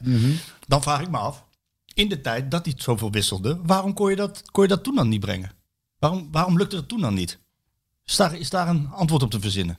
Nou ja, ze zijn goed begonnen toch het seizoen. En, en, en die dip, maar daar hebben we het toch ook al over gehad. Dat heeft toch ook te maken. PSV is ook eerder begonnen dan Ajax volgens mij. De Ja, wonnen van. Ajax met 4-0. Wat, wat, daar, wat ik toen ook zei van ja, de PSV is, is al wel iets eerder begonnen. Ja. Dus het is zo raar is het niet, vind ik eigenlijk. Het is ook een bepaald soort vermoeidheidscurve, denk ik. Ja, maar Dat dan heb je toch zo'n brede selectie voor? Ja, maar daarvoor wisselde hij toen toch ook. En dat betaalt Ja, zich maar dan werd het niet. Maar, maar dat- door de wissels werd het niet veel beter. Terwijl nu, als je nu kijkt, Gutierrez, eh Mauro Junior, Vinicius in de spits, die hebben we niet eens benoemd, komen we zo nog even op. Oh ja. Eh, Doan op rechts en op links Bruma. En dan denk je, ja, dat zijn normaal gesproken staan er vijf anderen. Ja, En dan is het toch zo goed ineens. Dat is echt voor dat is, dat, is, dat, is, hoop ik- dat is toch prachtig? ja, Dat je zo, maar oké, nu de volgende vraag, Frans. Mag je dan verwachten van PSV dat als je dit kan brengen met deze spelers, dat je dat wekelijks brengt? Ja, maar dat mag, je, dat mag je altijd verwachten van PSV, toch? Ja, dat is Alleen jaar al- antwoord, denk ik. Ja, alleen het is natuurlijk geen garantie dat het ook elke week Nee. komt. Dat is voetbal. Ja. Ehm, maar het is inderdaad wel heel fijn te zien dat het, dat het afgelopen zaterdag wel zo kwam. En ik denk ook de spelers die jij net noemde, die, die, die er opeens allemaal staan. Ja. Ja, dat zijn ook allemaal spelers, maar dat zijn ze hopelijk allemaal, die nooit verzaken. Nee. Je, het zijn wat er- Björn zegt, een Maro, die, die hoor je niet piepen, die staat er gewoon. Of dat hij nou rechtsbuiten staat of linksback. Ja, Iets klein voor keeper, want dan zou hij dat waarschijnlijk ook niet doen als je de opdracht krijgt. Maar ja, dat, dat is wel goud waard, dat je dan zo'n brede selectie hebt. Ja. Waarin dan schijnbaar in de afgelopen maanden af en toe kritiek op kwam. Hè, van eh, gek wisselbeleid en dat soort dingen. Ja, eh, daar wil, wil ik het echt niet over hebben. Maar dan denk ik van ja, nu zie je dus dat jongens die, die wat wij niet meer zien, hè, want de hertgang is gesloten, of wat jullie, jullie niet meer zien. Ja, die worden dus op trainingen wel volledig bijgetrokken. En als ze moeten staan, dan staan ze er. Ja. En dat is toch wel, ja, dat kan Björn denk ik beter zeggen, maar dat is toch wel heel belangrijk in zo'n selectie. Ja, is- als je zo lang ja. seizoen ingaat. Nou ja, en, en, dan, en dan speel je dus met die vijf. En dan, maar dan nog speelde PSV eigenlijk eh, niet het voetbal van Schmid met het, met het hele tijd pressing. Ze lieten, ze lieten het balletje rondgaan. Wat jij terecht zegt. eh, ja, Vite- Vitesse heeft de eerste helft eigenlijk alleen maar erachteraan gelopen. Ja, maar Dat wat- was, dat was, hebben ze wel vaker toch. eh, nou, het is, het is vaak meer de bal veroveren, snel naar het doel. Weet je wel, dat hoge pressen en druk. Maar dit was ook positiespel. Ja, maar ik denk de, de, de nieuwe rol die, die Mario dit, dit seizoen heeft, dat is al anders. Hè? Mhm. Dus dan zie je met hem en, dan, en dan in dit geval dan met, met Guti erbij. Ja, een van de twee was altijd aanspeelbaar. Ja. En dan heb je met Broema en met Doan, ja nu ga ik echt op een verkeerde vlak hoor. Maar dan, ga je, dan zit je dus met Doan en met, en met Broema zijn ook gewoon twee jongens die zullen ook nooit verzaken. Die, die, die, die, rennen, die rennen net zo lang totdat ze echt gewisseld moeten worden. Ja. Ja, en ze hadden de tactiek voor elkaar met Doan en Broema die iets meer aan de binnenkant spelen. en dan maak je twee geweldige goals en dat helpt dan ook. Ja. Ja, die waren prachtig. Die waren echt waanzinnig mooi, hè? Ja. Uit een boekje. ja. Welke vond je mooier? Die van, van eh Sangare of die van, eh, van, van Bruma? Ik vraag het ook bij jou, Frans. Dat weet ik eigenlijk niet. Jawel. Afgeslagen bal Ja. Sangare die legt hem goed klaar en bam, schiet hem binnen. Maar de andere was een Ja, aanval. andere was een aanval. Even Via kijken, werd rechts. eh 1, Doan 2 Gutsen. rechts. Ja, en Voorzet, voorzet. Vinicius. terug. Die begon al helemaal van achteruit, was- hè? Dat was, Helemaal wel, achteruit. ja, dat was wel een mooiste, ja. Dat is een fantastische aanval. Als je, is goal. Als je helemaal terugkijkt, die Ja. begon echt al helemaal vanuit en- achteruit. En, de, de snelheid van mij, ja, dat was echt... eh, En hoe Vinicius die bal dan teruglegt, gewoon al zien, dan komt er één. Waarschijnlijk gewoon in een ooghoek en precies. Ja, het was Hey, wel heel lastig. even snel had net over Benfica. Die, ik had gisteren in bed een tv weer even aangezet en uh, Heat kwam. En dat duurde Ja, even. Toen, toen, toen zag ik dat Barcelona speelde tegen Benfica. 0-0. Ja. Wat, en toen dacht ik weer, wat een kutploeg is dat toch. Die wonnen, die wonnen nog godverdomme bijna. Heb je dat gezien? of Ja, niet? ja, Die schoot hem, bijna, schoot hem gelukkig naast. Ja, die denk, stond niet helemaal vrij, dat is nog weer ook. Ja, was allemaal heel goed gedaan. Ik denk, oh, erg hè.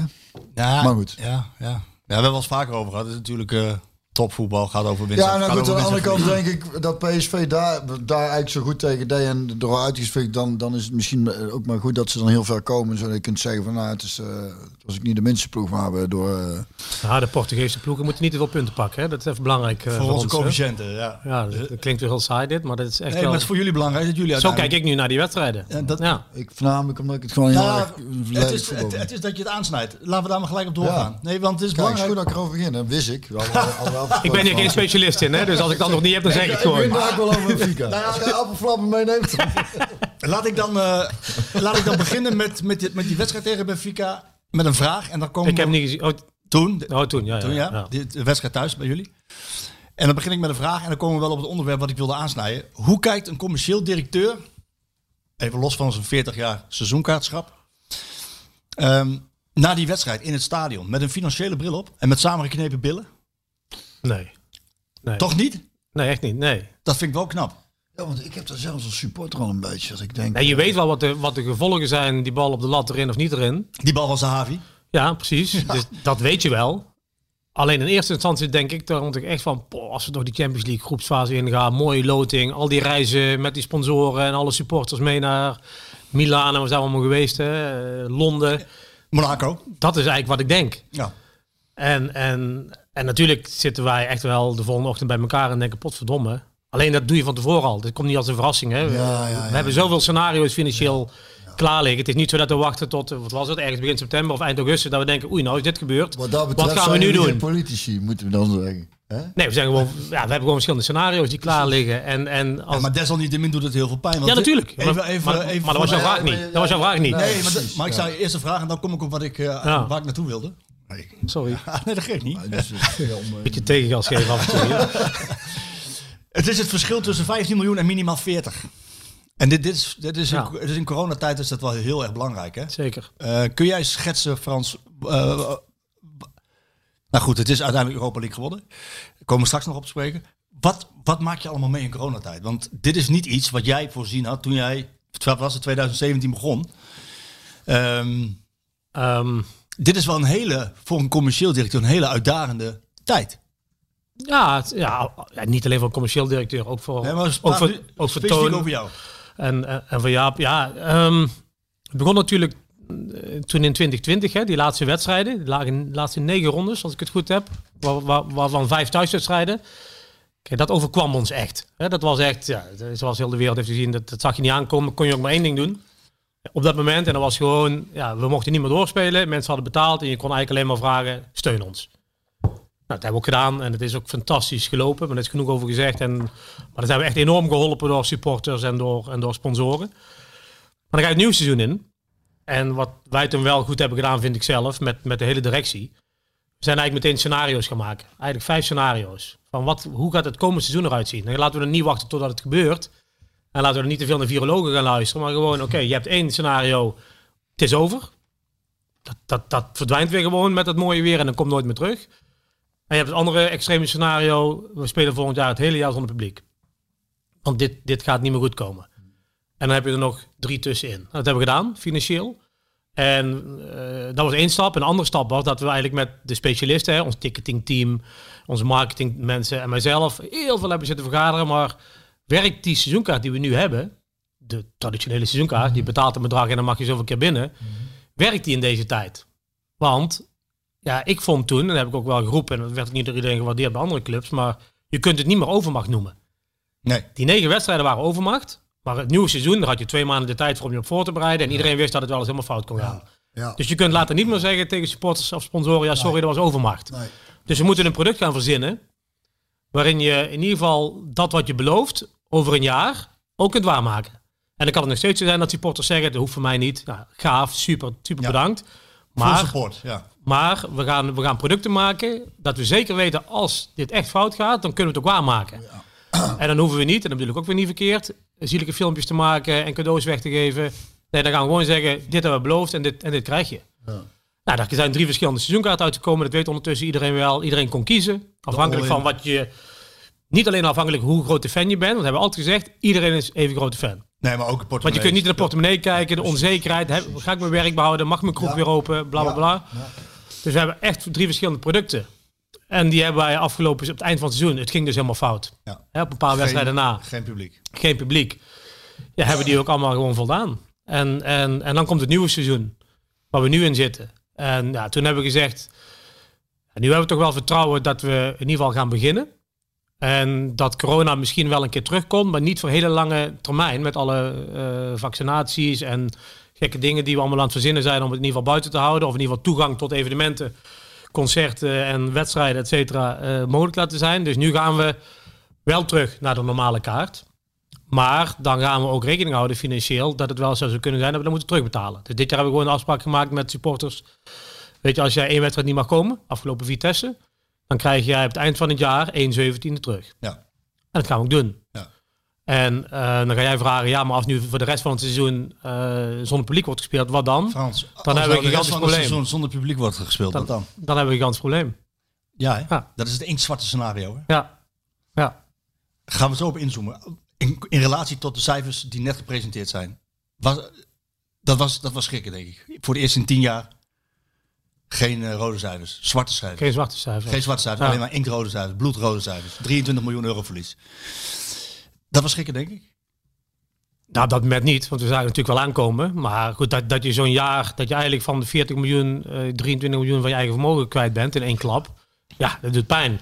Van de andere kant, ja, ik ben echt wel een positief. Ook kun je ook zeggen, nou, compliment aan al, aan al die bestuurders die hiervoor hebben gezeten. Want we hebben het wel naar 40 miljoen opgebouwd. Ja. Voor dit soort dingen. Maar goed, dat potje wil je liever ergens anders voor gebruiken. Ja, dat klopt wel. Maar als het dan toch gebeurt, dan kun je het maar beter hebben. Ja. En, en dat zijn wel ook de complimenten aan al die voorgangers die dat gewoon jarenlang hebben opgebouwd. En alleen ja, dat, dat het nu er zo hard in knalt. Ja. En, en natuurlijk, eh, Jaap en Toon hebben daar alles over uitgelegd. Had ook te maken met timing van transfers. Zeker. Daar gaan we denk ik vandaag niet over hebben, maar meer. Nou ja, in die, in die zin dat als de jaarcijfers volgend jaar gepresenteerd worden en we gaan er even vanuit, we komen zo echt op over dat publiek, dat het wel weer mag. Ja, dan heb je al die transfers, die tellen nu dan wel mee het huidige boekjaar. Dus dan schrijf je sowieso weer rode cijfers. Zwart. Eh, zwart cijfers. Ja, rode, zwart, zwart, vrij zwart. essentieel verschil, Marco. Dat- Zwarte is cijfers. maar goed dat jij niet maar- naar het casino gaat. Nou, dan moet ik Oh, zo dat maakt toch niet uit. Dat Je moet maar iets. Is Casino ook een, eh Holland Casino ook een eh, sponsor? Nee, Toto. Wel van de Eredivisie dan trouwens. schrijf je met al die transfers weer zwarte cijfers. En, ehm, eh, en flink winst ook. Ehm Niettemin was het commercieel ook een uitdaging. Hè? Want als ik me niet vergis, commerciële begroting 22 miljoen. eh, wat je gehaald hebt. En was, is dat min 5 dan het jaar ervoor? Nee, dat was uiteindelijk, wij, wij stevenden af op bijna 30 miljoen. Echt een nieuw record. Ehm, het pre-corona jaar, hè, dus net, net ervoor. Ja, dan moet je in één keer teruggeworpen naar 22 nog iets. Ja. Het mooie is wel dat wij dit seizoen, zoals het er nu uitziet, eh, de 30 aantikken. Dus, je hebt, dus Dus we bouncen enorm snel terug. hoe kan dat? Want je kan, namelijk Nou, niet, ik denk- je kan namelijk niet elke keer dat geven wat je wil geven. Nou, ik denk dat het, dat, dat kan als je maar gefocust blijft. Als je een goed team hebt, dat er allemaal clichés zit, maar wat, wat erin blijft geloven. Want het is natuurlijk heel makkelijk om in een hoekje te gaan zitten huilen en zeggen, ja, het is allemaal kloot en dit is allemaal heel moeilijk. Maar erin blijven geloven. Uiteindelijk, vanaf, nou, ik denk na het eerste kwartaal dit jaar, werd de mensen ook weer positiever. Hè? Het ging allemaal weer beter en er werd, als een, er weer, werd er gevaccineerd en het mocht allemaal weer. Ja, dat merkten wij ook in gesprekken met potentiële nieuwe partners en sponsoren. Hè. De- die zaten er positief in. Sportmarketing blijft, blijft iets, iets, iets gigantisch hè, voor je naamsbekendheid, onze database. Dus allemaal een beetje commerciële termen nou die groep. Maar wij zijn gewoon nog super interessant. En, en, dat, en dat merk je. En, eh, en, Ondanks coronatijd willen mensen daar nog steeds bij. ja, kijk, wij zijn de meeste grote partners, op, op één na moet ik zeggen. Hè, dat natuurlijk echt de grote sponsoren, die zijn bij ons gebleven. Mhm. En ehm, de hardste klappen die vielen eigenlijk in de, in het, in, in de businessclub. Het Ja. M- vooral het MKB. Duidelijk. En het was zo logisch. op de hoek, Ja, het was zo ja. logisch. Weet je, een bakker, een kapsalon die net twee kapsels had moeten ontslaan. Wat moet je dan gaan zeggen als je dan een varkenswater kapsalon hebt? Ja, ik heb er net twee moeten ontslaan, maar ik hou wel mijn vier kaarten bij PSV. Dat kan niet. Nee, dat gaat niet. Dus er was heel, en die zie je nu allemaal terugkomen. Oké. Dus ehm, ja, dat- zelfs, zelfs deze week hebben we nog nieuwe businessclubleden mogen verwelkomen. Terwijl het seizoen al, al, al echt wel op gang is. Dus ja, Ah, dat, dat, is toch, dat is toch wel lekker, die steun. Hè, dat je, dat je Ja, die steun stop. voelt in coronatijd. Dat is, toch, dat is toch wel essentieel. Want Ja, mensen moet- missen het ook. Hè? Dat, dat merk je dan. Dan is het weer open. En ze misten gewoon met hun klant of gewoon collega's of vrienden of familie naar het stadion. Toch dat biertje pakken. Die DJ die staat daar te draaien. Dat bandje wat er staat te spelen. Het is ook gewoon een avondje uit. Hè? En dat, dat, dat hebben mensen altijd wel heel erg gemist. Ja. Dus dat hielp ook. Ja, sorry, hospitality. Nee, duidelijk. duidelijk. Ja, maar Ook die van. ja, die hebben we ook gehad. Die, kunnen we afstrepen van de bingo kaart, van de commerciële bingo kaart. Ehm, dan even naar het inktzwarte scenario, want niemand kan het voorspellen.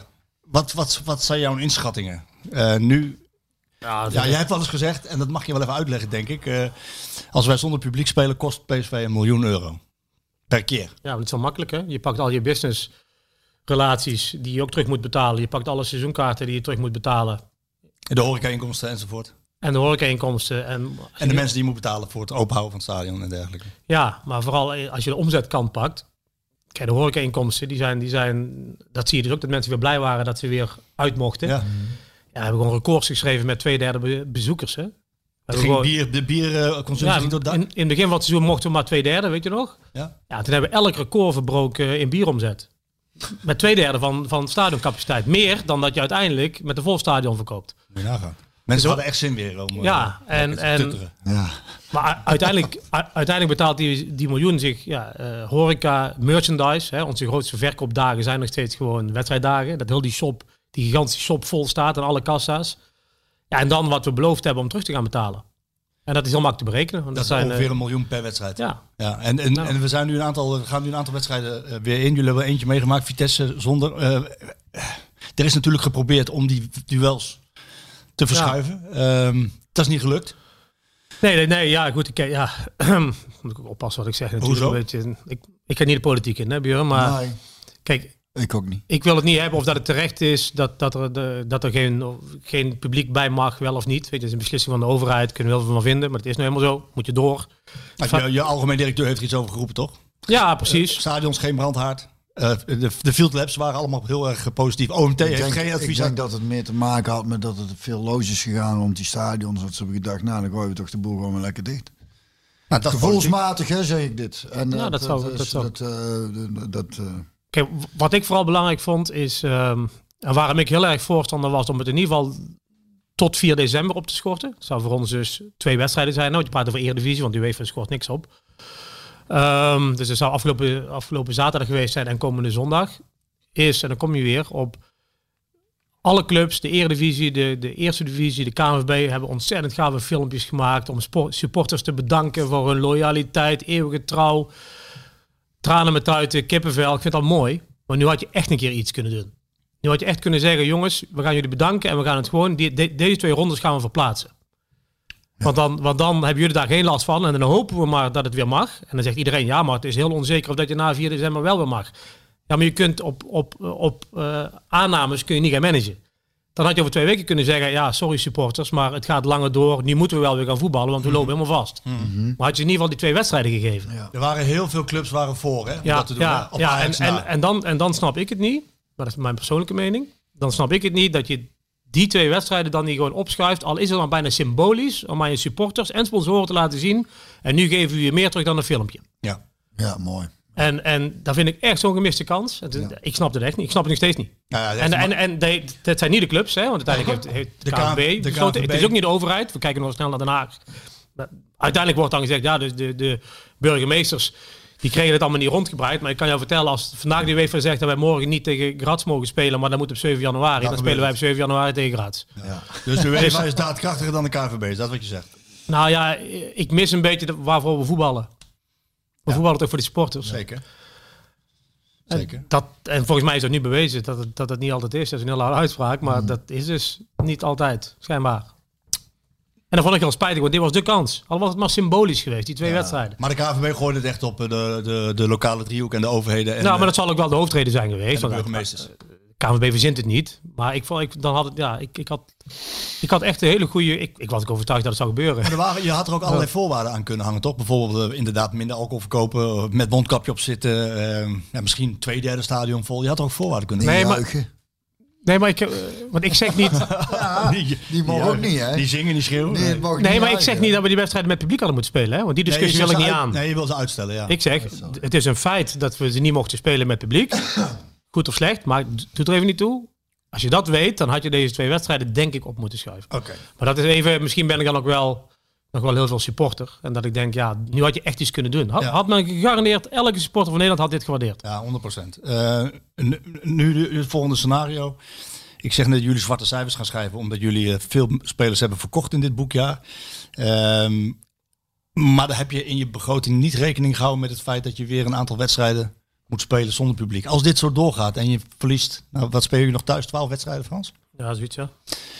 Ja, dan is dat 12 miljoen euro wat je verliest. En dat is toch niet, dat is toch niet wat je in je begroting hebt Nee. meegenomen? Nee, Oh, nee, heel beperkt. Heel beperkt meegenomen. Dus dit, dit, dit, dit komt hard aan. Hè? Nou, Neem ons eens mee, neem ons eens mee hoe dat er gaat. Dan komen de knappe koppen bij PSV bij elkaar eh, in de, in de, in de spreekkamer van, eh, van Toon of van jou. En dan? Wat, wat dan? Je moet weer scenario's verzinnen. Nu bedoel je? Of in het begin van het seizoen als je de begroting Nee, maakt? nu? Ja, nou, nu, nu zijn we natuurlijk... eh, Paniek al een beetje of niet? nee, want het is nu niet, het is nu niet heel complex. Hè? Want, want je weet, ze mogen niet binnen. Je weet, het kost je een miljoen. Je weet wat je beloofd hebt aan je sponsoren en je partners. Ja, en voor de rest moet je afwachten wat er dan wel en niet mag. Ehm, wij, wij- natuurlijk hebben wij een begroting, die maak je aan het begin van het jaar. En dan maak je eh, zeg maar een forecast. En die kun je elke, elke maand maken van hoe gaat het er nou echt uitzien. Met de wetenschap van nu. Want je weet in augustus niet precies hoe het Nee. gaat lopen. Ja, die gaan we nu ook wel weer maken natuurlijk. Ja, en dan kun je daarop gaan sturen. Weet je? Dan eh, zul je kosten moeten gaan besparen. Je moet proberen de schade te beperken. Ja, eh, ik, Kun je, dan weer, kun je dan weer een loonoffer vragen van het personeel en de spelers? Kun je dan weer een beroep doen op de supporters en sponsors? Of wordt het moeilijker? Voelt het als bedelen? Ehm, daar hebben we het nog niet over gehad, over die eerste twee. Over de spelers of over de mede Nee. collega's, medewerkers. Ehm, kijk, op dit moment ben ik niet van plan om te, om te gaan bedelen. Ehm, maar ja, als we het eind van het jaar dadelijk inderdaad 12 miljoen eh, moeten aftikken. We hebben het beloofd, dus we gaan het doen, hè. Ja. Ehm, Een man een man, een woord een woord. ja. Ja. Maar dan hebben we een veel groter probleem in Nederland. Want wij zijn echt niet de enige. Ja. En daarom is het ook wel heel fijn dat je dan wel leest dat de KNVB die lobby om te kijken of dat we iets van compensatie kunnen krijgen vanuit Den Haag. Dat is wel gelukt overigens. Ja, wat, eh, en dan moeten we kijken van oké, hoe, hoe gaat dat verdeeld worden? En hoeveel schade kan dat dan per club beperken? Want uiteindelijk, kijk, stel dat wij er doorheen komen en Ajax ook en Feyenoord, ik noem maar eventjes iets. eh, eh, eh, grappig genoeg of interessant genoeg zijn het juist de grote clubs die echt veel verlies leiden. En de kleine clubs, kleinere clubs, met alle respect, die maken gewoon winsten. Ehm, dat is ook wel interessant. Ehm, Ja, dat is interessant, ja. ehm, ja maar dat- want- nee, want leg maar eens uit, want daar vind je wat van. Ja, ik, ik- Nou ja, goed, dat is, dat, dat, dat is heel logisch hè, met, met, de, met de overheidssteun die je hebt gehad. Nou, kijk, wij, wij hebben natuurlijk een enorm apparaat. We zijn een heel groot bedrijf. Hè. We hebben de, 270 medewerkers. Ja, nog meer. Alles bij elkaar geloof ik drie- 320 en dan nog eh, een hoop flexwerkers, zeg maar. En Ajax heeft er nog veel meer. Dus je bent ons, ontzettend duur. Nou, met, de, met, de, met de, de overheidssteun die we allemaal gelukkig hebben mogen krijgen, wordt daar een gedeelte van gecompenseerd. Maar er zit allemaal max op. En voor die kleinere clubs is die max meer, misschien, da- dan wat het echt is. Ja. Ehm, eh, dus die komen er eigenlijk best positief uit. Nou, daarnaast ehm, zijn heel veel clubs ook niet, niet, niet, niet uitverkocht. Dus een derde of twee derde capaciteit max. Misschien wel, ze krijgen nooit meer. Nee. nee. Dus ze hoeven ook niks te compenseren. Ja, ja. Ja, daarnaast heb je natuurlijk nog de solidariteitsbijdrage vanuit die grote clubs. Dus dan maak je heel veel verlies. Dan moet je de solidariteitsbijdrage Als je gaan doen Europees aan- speelt. Aan, Ja. alle, aan alle andere clubs. Ja, Nou, dat doen we ook. Ja. En dan zijn er gelukkig ook een paar clubs die bedank je dan daarvoor. Met een taart of iets. Ook heel veel niet. Ehm, en dan, ja, Noem eens. Wie niet? Nee, ja, ja, ja. Ja, altijd, Ja, ja, ja. Zo is je. Godverdomme. SV Valkenswaard niet. Vluggen. Nee, nee, maar Ja, goed. En, en... Wat was je vraag eigenlijk? Nou ja, uiteindelijk, eh, hoe, hoe, hoe ga je dat dan oplossen? Want ik denk, kan me voorstellen dat iedereen op een gegeven moment eh, met het hoofd naar Frans Jansen draait. En zegt, ja Frans, eh, los het maar even op. Want je komt een gigantisch gat, kom je tegen. Ja, Nou ja, de financieel directeur die ja. doet de cijfertjes, maar ja, jij kan aan de inkomstenkant wat doen. Ja, dus daar zitten we nu ook weer te kijken. Hoe, hoe kunnen we dit op gaan lossen? Maar dit, het is nu nog heel vers. Hè? Je praat over een persconferentie van een week geleden of zo. Ja, ze willen de volgende vervroegen. Hè? Niet Ja, de 3 ja. december, maar nu. Ziet er niet goed uit. Nee, dat ziet er niet goed uit. En, en, maar goed, als dadelijk die, die wat is het, G2 of G, G3 Ja. of G1 komt. Björn is G3, getest, genezen en uh, nog meer, gevaccineerd. Ja, ik ook. dus ga door. G2, ja, als dat komt, dan, dan zou je zeggen van, dan mag het weer. Nou ja, ja ik, ik vind altijd een moeilijke discussie. Maar als, G- als G2 wordt goedgekeurd, dan zal er enorm veel discussie komen in Nederland. Ja. Hè? En, eh, God weet, ik hoop het niet door afkloppen, maar God weet wat er allemaal weer dan op straat gebeurt. Ja. Maar dan moet je het wel opengooien. Ja. Want anders krijg je allemaal discussies en rellen en dat soort dingen. Terwijl je het doel, het alles weer opengooien, niet doet. Dus dat, dat, dat vind ik wel, ja, dat is een beetje mijn, mijn hoop dat, dat er iets komt, G2 of G3 of mij wat G1. Kies maar iets. Maar wat je kiest, dan moet je het daarna opengooien, want anders hoef je een van die drie niet te kiezen. Snap ik bedoel? Ja, ik snap wat je bedoelt. Maar Dat klopt toch wat ik zeg? Ja, Nee. zeker, zeker. Absoluut. Ja. Dus als je één van die drie kiest, dat betekent dat met die, welke je ook kiest als overheid, volgens mij, volgens mij kun je, dan moet het ding open. ja. Tenzij, En, da, en tenzij de druk op de zorg ook dan zo hoog blijft dat ze denken van we gaan in totale lockdown. Dat kan natuurlijk ook. ja, en misschien gaat dat wel eerst gebeuren, Gaat dat wel eerst voordat gebeuren. Ja. die andere stap. Ja, wat je sowieso wel ook wel vanuit kunt gaan is dat eh, na, de, na de winter het weer eh, de besmetting weer af zullen nemen. Ja, het is griepseizoen. Maar ja, wat is na de winter? Ja, dat is een goeie. Maart, 21 maart. Het is bijna af, hè? Bijna seizoen bijna klaar. Ja. Ja. Maar goed, jullie verzinnen nu allemaal oplossingen. Waar, waar, waar moeten we aan denken? Is het ook kijken... Nou, laat ik eens een naam erin gooien. Is het ook kijken naar eh, Robert van der Wallen? Nee. Oh, die is snel. Nee, wat, Je kan ook zeggen, Robert, ja, maar dat vind ik, dat vind is ik, te makkelijk? Het nou, ik vind is het, wel een logische gedachte van ik veel vind het te makkelijk en ik vind het niet eerlijk. maar wel Robert logisch toe. van heel veel supporters dat ze dat denken. Nou, dat weet ik. Kijk, eh, Robert en zijn bedrijf, die hebben bij ons één business room. En that's it. Je bedoelt Brand Loyalty of, de, of het eh, zijn nieuwe... Nee, het is een nieuwe. Ja, ja. Het is een nieuwe. eh, met Bernardus. ja. Dus niet eens is een nieuwe genoemd, loyalty. Zijn naam is genoemd. Ja. Ja. Ehm, en, en voor de rest niks. Nee, maar dat kan In sponsoring. Is commissaris. Nee, maar dat staat wel heel vaak in, in verschillende bladen en kranten. Hè, dat hij de geldschieter bij PSV. Dat is hij niet. Hij is president-commissaris. En hij heeft één kleine business room. Misschien moet ik hier een grotere pakken, zal ik hem eens zeggen. Ja. Ehm, en voor de rest, kijk, een paar grote. kijk wat, wat, wat Robert, maar ook andere leden van de RVC en wij zelf, waar we denk, wat we denken heel goed doen. En daar heeft Frank Arnees volgens mij in jullie blad een keer eens over geroepen. Ja, we hebben een enorm netwerk. Van mensen met één, een heel groot PSV-hart. En twee, gelukkig ook nog wat vermogen. En die op dit moment ook niet echt goed weten wat men misschien daarmee moet. Ja, en daar is het natuurlijk fantastisch dat je een Robert, maar ook de, eh, de andere RWC-leden nogmaals, of andere mensen uit het netwerk, dat je die mensen bij elkaar kunt halen. En dat je zo'n partnerfonds, waar we niet mee bezig zijn, want eh, groot in de krant heeft staan, van 30 miljoen. Ja, dat gaat lukken. Partnerfonds 2, hè, voor de duidelijkheid. Partnerfonds 2, ja, want Partnerfonds 1, dat zijn weer andere mensen, dus Ja. er komt ook geen overlap in. Nee. Ehm, dus dat zijn dan een aantal... Oh, ja, er komt helemaal geen overlap in. Nee, nee, nee, nee. Dus dat zijn een aantal eh, vermogende bedrijven, particulieren, die zeggen, nou wij willen dit. En wij, en, en wij zijn nu aan het kijken, oké, stel dat we dan morgen dat geld op de rekening hebben staan. Stel. En ik mag wel zeggen, we hebben de toezegging al voor die 30 miljoen. Dus dat komt goed. Ja, nee, dat is maar duidelijk. dan, waar gaat het dan aan besteed worden? Nou, Roger Smit zal zeggen aan een goede eh, spits. Ja, maar het mooie is dat Roger Smit niet over dit partnerfonds 2 gaat. Nee, hè? Nee, nee dat, is echt, dat is echt voor de lange termijn. Dat moet je echt denken aan, aan de academy. Nog, nog meer verbeterende faciliteiten. Hotelletje, tribunetje Ja, een hotelletje is dan echt zeg maar voor, voor de... voor de mensen. nee, voor de spelers. Hè? En de ouders van de spelers. Ja, eh, misschien extra velden. Want ja, we, we lopen ook wel vast met, de met de capaciteit van de velden. Eh, het stadion. Ook daar moeten nog dingen echt wel verbeterd worden. Waar we toch wel tegenaan hikten. Van, ja, ja, zoals gewoon het, het verbeteren nog van, van cateringpunten. Hè. Als je de, de, de catering krijgt af en toe wel eens commentaar. Maar goed, eh, als je op drie hoog niet genoeg stroom hebt om iets te verwarmen. Dan moeten die frikandellen toch van beneden komen. Ja. Ja, dan zijn ze boven uiteindelijk wat kouder dan dat ze beneden waren. Ja, daar moeten we gewoon echt beter in worden. En dat- daar moet ook een gedeelte van het geld in. Eh, misschien, Organisatie, accommodatie. Orga- organisatie. en Academy. Ja. Ja. toch ook een deel voor John de Jong. Ja, maar de Academy is ook zonder jongen uiteindelijk. Zeker, zeker. En, en, ehm, en er zal ook wel een gedeelte mogelijk wel in spelers gaan. Maar dan, dan denk ik dat John, en dat doet hij met, eh, met Jan en, en, en Ernest en alle teams. Wel even kijken van gaat dat dan naar een nieuwe Braziliaanse spits van eh, weet ik hoeveel miljoenen? Of gaat het misschien in Talent. in, de, in talent of de strategische aankopen. Eh, denk aan de, de Donjan Males en de Rosario's. Ja. Die, die voor een paar ton binnenkomen. Maar de weken. En uiteindelijk die klappen maken. Ja, dat is natuurlijk even als commercieel en financieel. Ja, is dat natuurlijk een fantastisch businessmodel. Ja. Hey, dat is ook de levensader een deel. Ja, en die wereld is wel zo aan het veranderen dat, dat, dat je daar ook wel even een potje voor moet hebben. Dat je die mensen al heel snel ergens in de wereld. meer. Eerder, sneller en meer in de leeftijdscategorie 15 tot 21 jaar. Precies. Ja.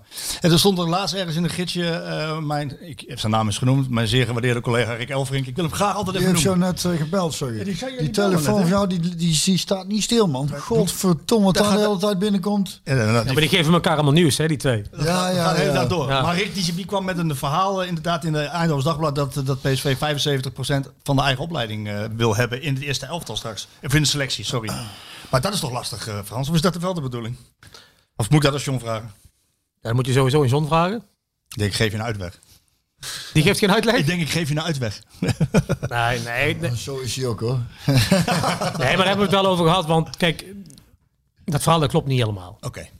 Wat Ernest en de Academy voor ambitie hebben, Ja, 75% of, PSV dus. Of 70, tuurlijk is dat PSV. Dat moet altijd hoger zijn dan wat uiteindelijk je doel is om Ja, uiteindelijk in de selectie te krijgen. Want als, als, als Ernest zegt, mijn doel is 30%. En uiteindelijk is het doel van de club om 30%, dan haal je dat nooit. Nee. Dus het is helemaal niet erg dat Ernest een hogere ambitie heeft. Die legt de lat hoger dan dat het Tuurlijk, want ja. het gaat uiteindelijk, ambitie wil niet zeggen dat je het haalt. Hè? Nee.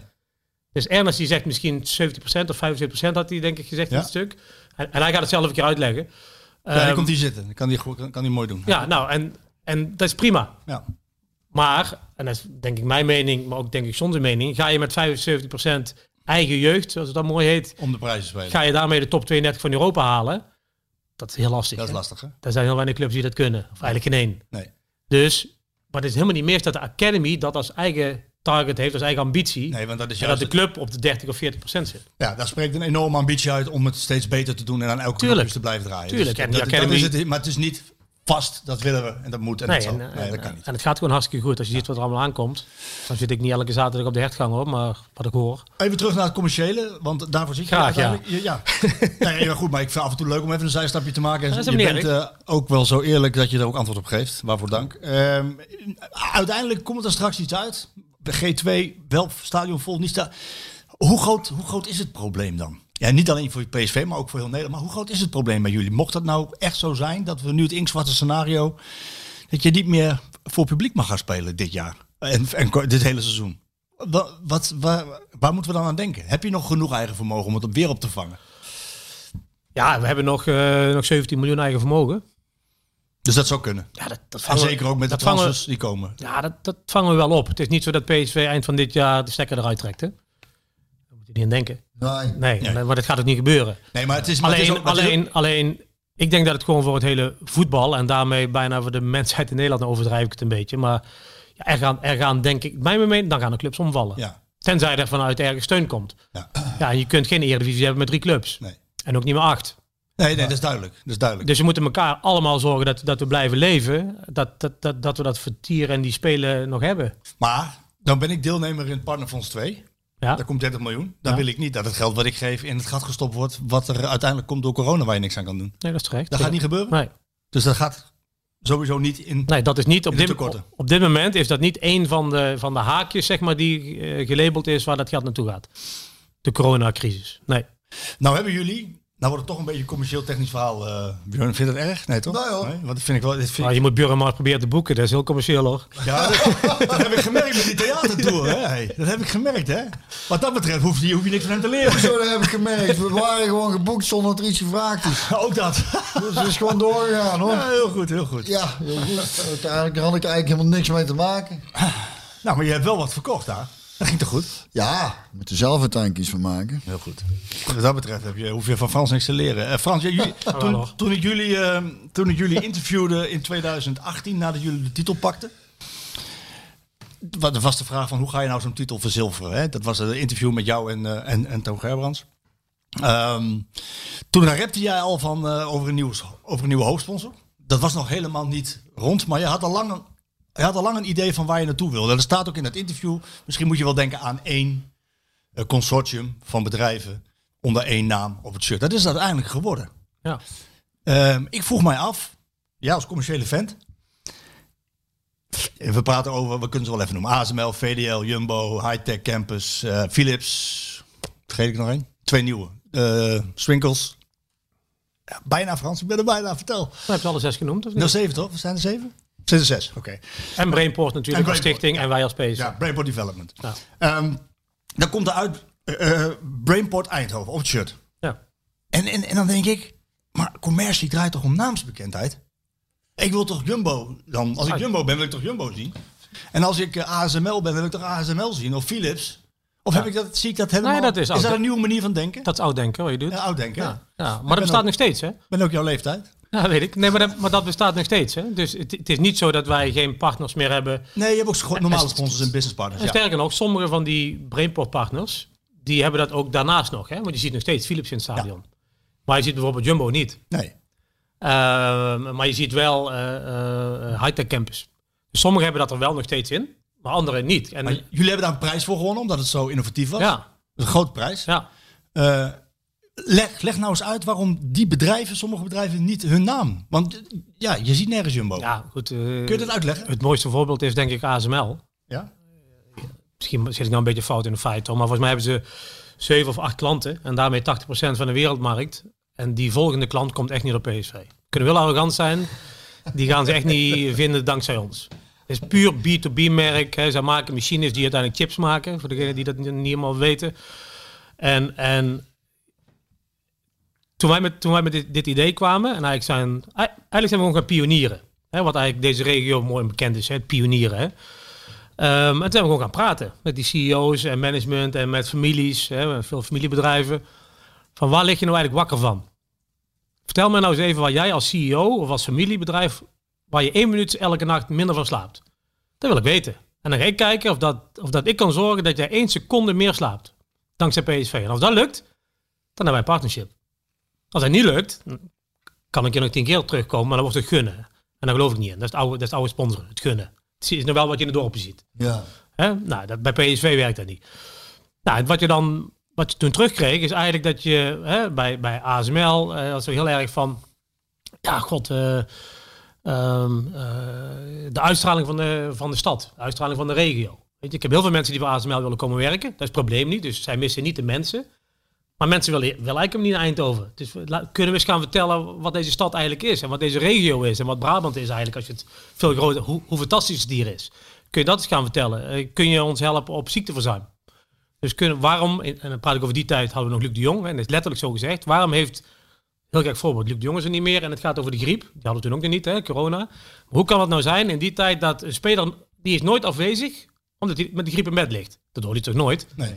Luc de Jong doet vanavond niet mee op Studiosport, want hij ligt met de griep in bed. Dat hoorde je nooit. Nee, behalve Nou, dat komt. Die had daar wel. Dat was vijf keer ziek in één jaar. Ja, goed, maar- dat ja. Nee, maar dat komt, maar dat komt, en dat weet Björn ook, omdat ze allemaal mega begeleid worden op voeding, op rust, op slaap, op, op, op eh, preventie. En toen zeiden ze tegen ons, ja, maar als je dat toch aan Luc de Jong kan vertellen, dan kan je dat ook aan mijn medewerker vertellen. Want weet je wat het mij scheelt? Als, we, Ja, als ja. de, de ziekteverzuim van, ik noem even iets, hè, van 7 naar 5 procent gaat. Op, zo, op, op 15.000 medewerkers. Weet je wat mij dat scheelt? Geld, gaat veel geld. En dat geld, dat ben ik bereid te betalen aan jou. En dat komt bij mij niet uit het lijntje sponsorkosten. Want dan gaat een CFO zeggen, hoezo sponsoren we PSV? Want we hebben maar acht klanten. Nee, dan komt het uit het lijntje eh, eh, eh, ziekteverzuimkosten. Wat in één keer naar beneden gaat, die aantal kosten. Dan ben je er. Dus je moet heel anders gaan denken. En dat, dat is iets ja, wat mij triggerde toen ik, toen ik terugkwam uit het buitenland. Hè. Ehm, ik zag PSV zich enorm op sportief ontwikkelen. We werden heel vaak kampioen en we deden het hartstikke goed. Alleen als, als platform vond ik dat PSV niet, zich niet mee ontwikkelde met de stad. Als je wat ging eten in die tijd op de Kleine Berg, kreeg je als je een beetje pek of geluk eh, hebt, kreeg je een Engelstalige ober. Ja, ik vond dat super cool. Weet je, want dat had Shanghai ook en Singapore. En dat vind ik, dat vond ik gaaf, de Eindhoven ook had. Eh, in één keer was er een N2. Die rondweg, die was er in één keer. Maar als je hier gewoon altijd woont, dan merk je dat niet. Nee. Maar ik kwam hier maar twee keer in het jaar. En ik zag die, die stad zich zo enorm ont, ontwikkelen. En iedereen elkaar helpen. Hè? Want iedereen helpt elkaar. En ik vond toen dat PSV dat eigenlijk niet deed. We waren één keer in de twee weken open. Ja. Dan mocht iedereen naar binnen. En dan anderhalf uur later gingen alle gordijnen en alle deuren weer dicht. En over twee weken ben je weer welkom. Terwijl ik dacht, en op al die andere dagen kun je deze regio toch ook helpen. En toen heb je heel Want er zit zoveel kennis. En daar geloofde ik heel, heel erg in. En dat wil ik proberen. Dat het uiteindelijk ook die is geworden, is natuurlijk fantastisch. Want dat is niet dankzij mij. Hè? Dat is, Nee, samen. Maar ja, dat is met die bedrijven. En, en dan maak ik even het cirkeltje af. En ik kan er uren over praten. Nee, dat weet ik. Ik krijg heel vaak de complimenten met mijn team. En vanuit PSV, dan winnen we een prijs. Ja, wat jullie hebben verzonnen is echt uniek. En dan zeg ik van, nou, één ding klopt zeker niet dat het uniek is. Want twee broers, Gerard en Anton Philips, hebben dit in 1913 verzonnen. Want waarom is PSV opgericht? Ja, voor de, Om te zorgen dat mensen naar de regio kwamen, voor Philips wilden werken, dat ze s'avonds al vertier hadden. Dat heet nou dan team, team En gezond iets. zijn, sporten. En Vitaliteit. Toen was gewoon lekker bezig zijn en, en, en voetballen of zwemmen of tennissen, want alles was Philips. Dus wat wij hebben gedaan, is het 108 jaar later nagedaan. Dat is niet uniek. roots, Dat is niet uniek. Wat wel knap is, is dat we met z'n allen, en dat bedoel ik dus de hele regio en PSV en al die vorige bestuurders en al die bedrijven, dat we zo dicht bij ons DNA zijn gebleven. Dat is wel uniek. En, en, en, Dan, en dan kom en, jij en ik mag heel vaak presentaties geven hierover. Hè. Dat vind ik ook echt leuk om te doen. En dan begin ik ook heel vaak met de vraag. En ik weet dat je niet voor Ajax bent, Marco, maar ik ga je toch de vraag stellen. Waarom is Ajax ooit opgericht? Of waarom is Feyenoord ooit opgericht? Wat, er, er moet een reden zijn. Er heeft ooit iemand bedacht, wauw, ik heb een idee. En daarmee ga ik dit en dit en dit oplossen. Eh, Als ik in Amsterdam, ik heb ook in Amsterdam deze presentatie gegeven, dan is 80% Ajax is er niemand die zijn hand opsteekt dat hij het weet. Niemand weet dat. En als ik dan vraag, oké, nou vraag ik even aan dezelfde groep mensen, waarom is PSV opgericht? Hoe komt dat? 80% weet Ja, het. weet Philips, ja. Dat is, dat, is, maar dat is, dat is bizar? Ja. Ja. Dus dat betekent dat je iets hebt. Je hebt iets wat zo uniek is, wat bijna iedereen weet. Mensen die van voetbal houden, of, of uit de regio komen, of zelfs groter. Als je daar dan niks mee doet, dan ben je gewoon stom. Mhm. Ja. Want je hebt dus niks in je, in je mandje zitten. En dan ben ze zelf, zijn ze zelfs bereid om zichzelf als, als Ja, merknaam weg te cijferen. nou, wat je dan moet gaan doen, da- dan moet je gaan kijken, wat, is dan, wat zijn dan die rode draden? Want die zijn er meer waar al die bedrijven mee worstelen. En die moet je dan, sorry, daar kom ik ook weer, die moet je dan KPI's op gaan zetten, dus doelen, activaties en zorgen dat je, dat je hun helpt om die zorgen die ze hebben, naamsbekendheid van de regio, niet van het bedrijf, maar van de regio, medewerkers hier naartoe halen, want sommigen die zoeken nog steeds mensen, Ja. lukt niet. Eh, eh, eh, en gezondheid, die drie pilaren eigenlijk. Als je die dan met z'n allen gaat verbeteren, ja, dan zijn ze bereid om te zeggen, nou dan mag hier iets op wat eigenlijk de regio beschrijft. Maar, en dan zeg jij de gevleugelde uitspraak van Frans Jans is PSV is meer dan een club. Ja. Ja. Ja, een platform.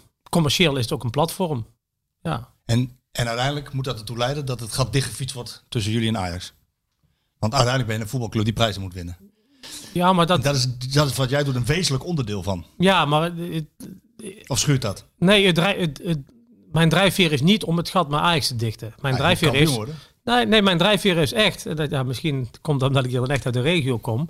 Wij zijn zo- zo'n mooie regio. En er gebeuren zo'n gave dingen hier. En we zijn de gezondste regio, financieel gebied van het hele land. En ja, potverdomme, dat moeten we ook af en toe eens laten zien. En, en, en we doen alles samen hier. Maar af en toe moet je dat, eh dat servet eens afdoen en de tafellaken omslaan. Hoe gaat die technologie en de commercie eh, nog veranderen? Wat kunnen wij verwachten bij PSV wat dat betreft? Want het, gaat zo snel allemaal. Nou ja, we hadden, volgens mij stond er twee weken geleden in jullie blad een stuk over ASML. hè? Zeker. Met dat- data. Ja, dat is natuurlijk bizar. Kijk, wij, wij hebben hartstikke goede en, en, en schijnbaar ook best veel datamensen op de hertgang rondlopen. En ook in het stadion ondertussen. Die elke dag met onze data bezig zijn om te zorgen dat eh, de spelers en de teams beter worden. Hè. Ehm, en toen zaten we een keer met de ASML-data-analysten te, te praten. Van, eh, kunnen jullie hierbij helpen? Kunnen eens meekijken? En toen zeiden hun van, nou oké, weet je wat we dan doen? Dan, eh, dan, dan gooi je even al de data die jullie hebben eens een keer over de schutting. Zo zie ik het dan voor me, want ik ben absoluut niet technisch. En dan gaan wij wel daarna kijken. En dan gaan we eens kijken of dat we eigenlijk antwoorden kunnen geven op vragen die jullie niet gesteld hebben. Dat is een interessante. En toen hebben we dat gedaan. En toen zeiden ze na een uur, ja, stuur de rest ook maar. Ja, er is geen rest. En wij vonden dat heel veel data. En voor hun was het helemaal niks. en dus toen zijn ze, en dat is wel heel gaaf, want er zijn natuurlijk mensen die de hele dag bezig zijn met de data van die machines. En die werden in één keer vrijgemaakt door ASML.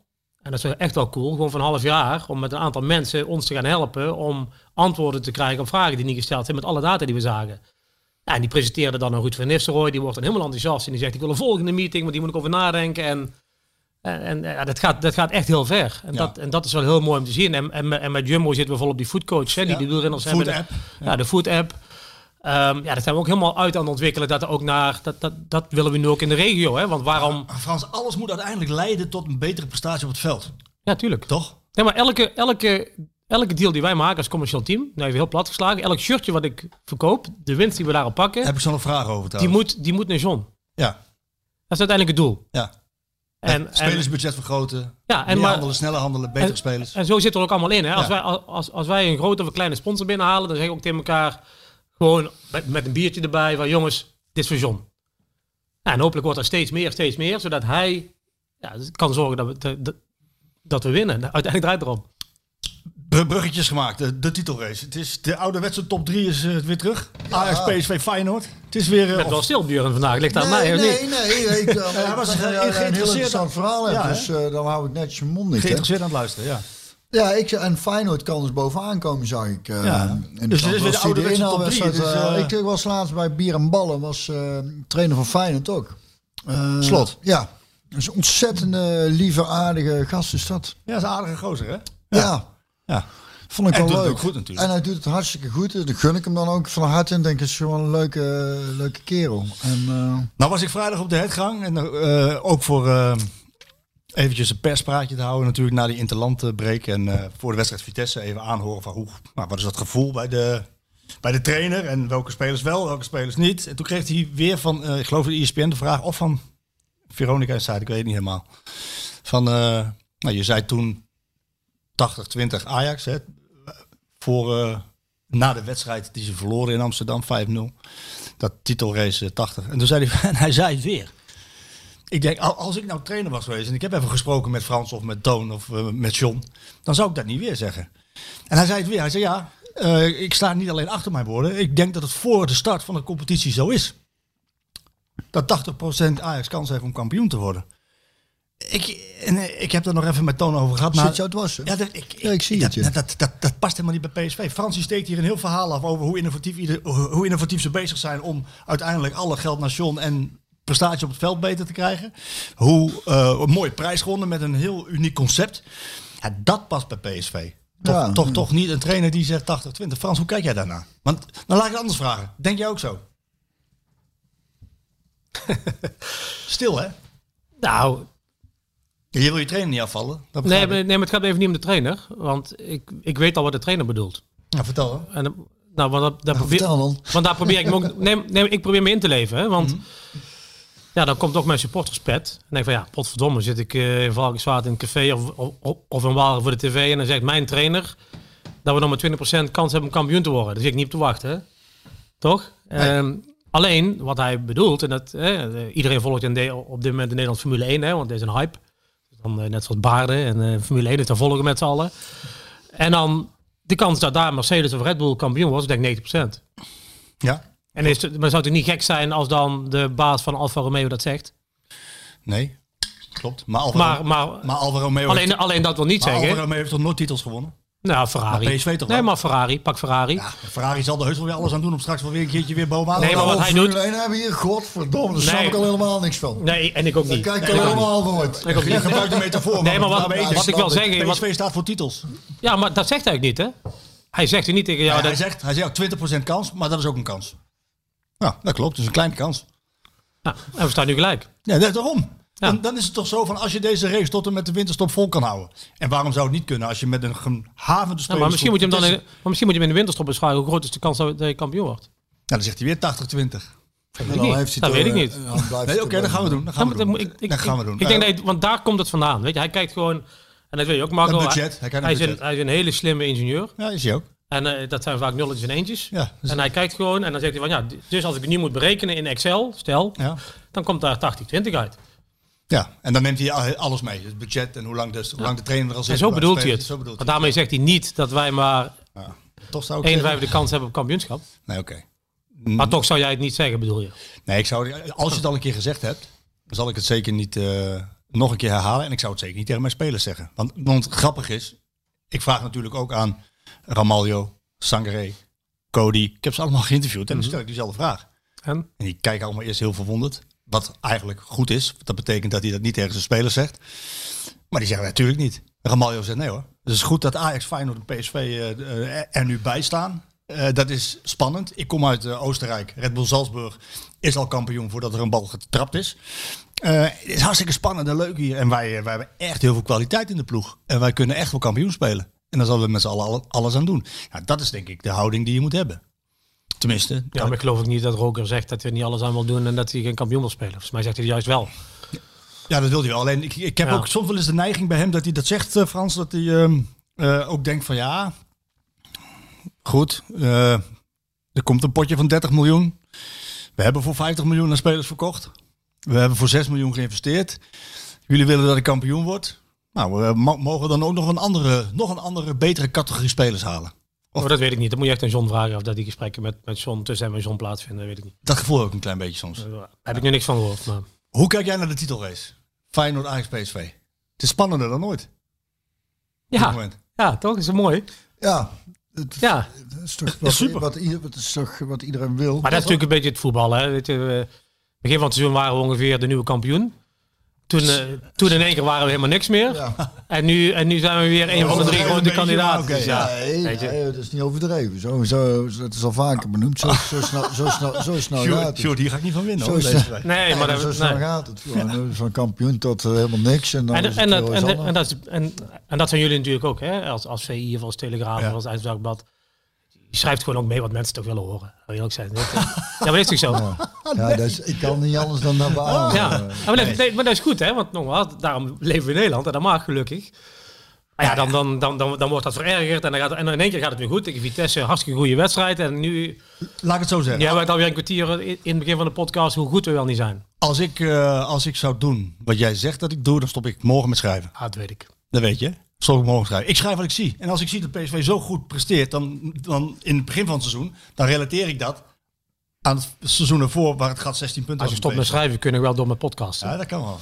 Televisie. Ik heb ook wel een televisiehoofd. Vind je niet? Sinds die maart wel, ja. Nee, maar het is, het is, leuker, het, is, het is leuker dan ooit. Ehm, Zeker. We, we zitten voor de wedstrijd Sturm Graz. Wil ik, knijpen, zo wil ik knijpen of heb je juist veel vertrouwen? Want ja je, je- ja, je staat op die derde plek in die pool. Je moet nog naar Real Sociedad, staan tweede in La Liga. Hoe kijk je ernaar? Met veel vertrouwen? Heb je er zin in? Ja, ik heb wel zin in. Ja, het is natuurlijk kloten dat we weer geen publiek hebben. Hè, de, de- dat maakt de zin wel minder, hè, want je komt morgen Ja. gewoon eh, een half uur voor de wedstrijd naar een leeg stadion en een half uur na de wedstrijd zit je weer op de bank thuis ongeveer. Ja. Dus ja, er zit, er zit 0,0 beleving in. Alleen toch over het voetballen. Ik, heb- ik heb er wel vertrouwen in. Natuurlijk heeft dit weekend ook weer vertrouwen gegeven. En ik weet gewoon dat we daar volop mee bezig zijn. En dat de staf weet hoe we tegen hun moeten spelen. Dat hebben we denk ik ook aangetoond daar. Ja, en, eh, ja ik, ik, ik zou op dit moment niet, jou niet kunnen vertellen waarom ik er geen vertrouwen Nee, in ik heb. heb er ook veel vertrouwen in. Ja. Ik ook. Ja. maar ik heb er over het algemeen eh, wel veel vertrouwen in. Er zijn er, maar er zijn een paar spelers te noemen. eh, Ook op basis van die wedstrijd tegen, tegen Vitesse. Ja, wij hebben geluk. Wij, zijn lid van de Zangeré fanclub. Dat waren we al aan, aan het Waar we begin. al, eh, al voordat vorig jaar eh, al toen, eigenlijk. toen hij, eh, toen hij Vorig nog seizoen. veel kritiek kreeg. Ja, Ja, dat ja. waren wij. Hè? Eerlijk is eerlijk. Ja, zeker. Fijn om, om. Het is veel gevallen hoor. Dat je dan. Dat je dan toch moet zeggen. Hij heet de I Told You So. Ja. Ja, dat is toch zo? Ja, dat overkomt mij heel vaak.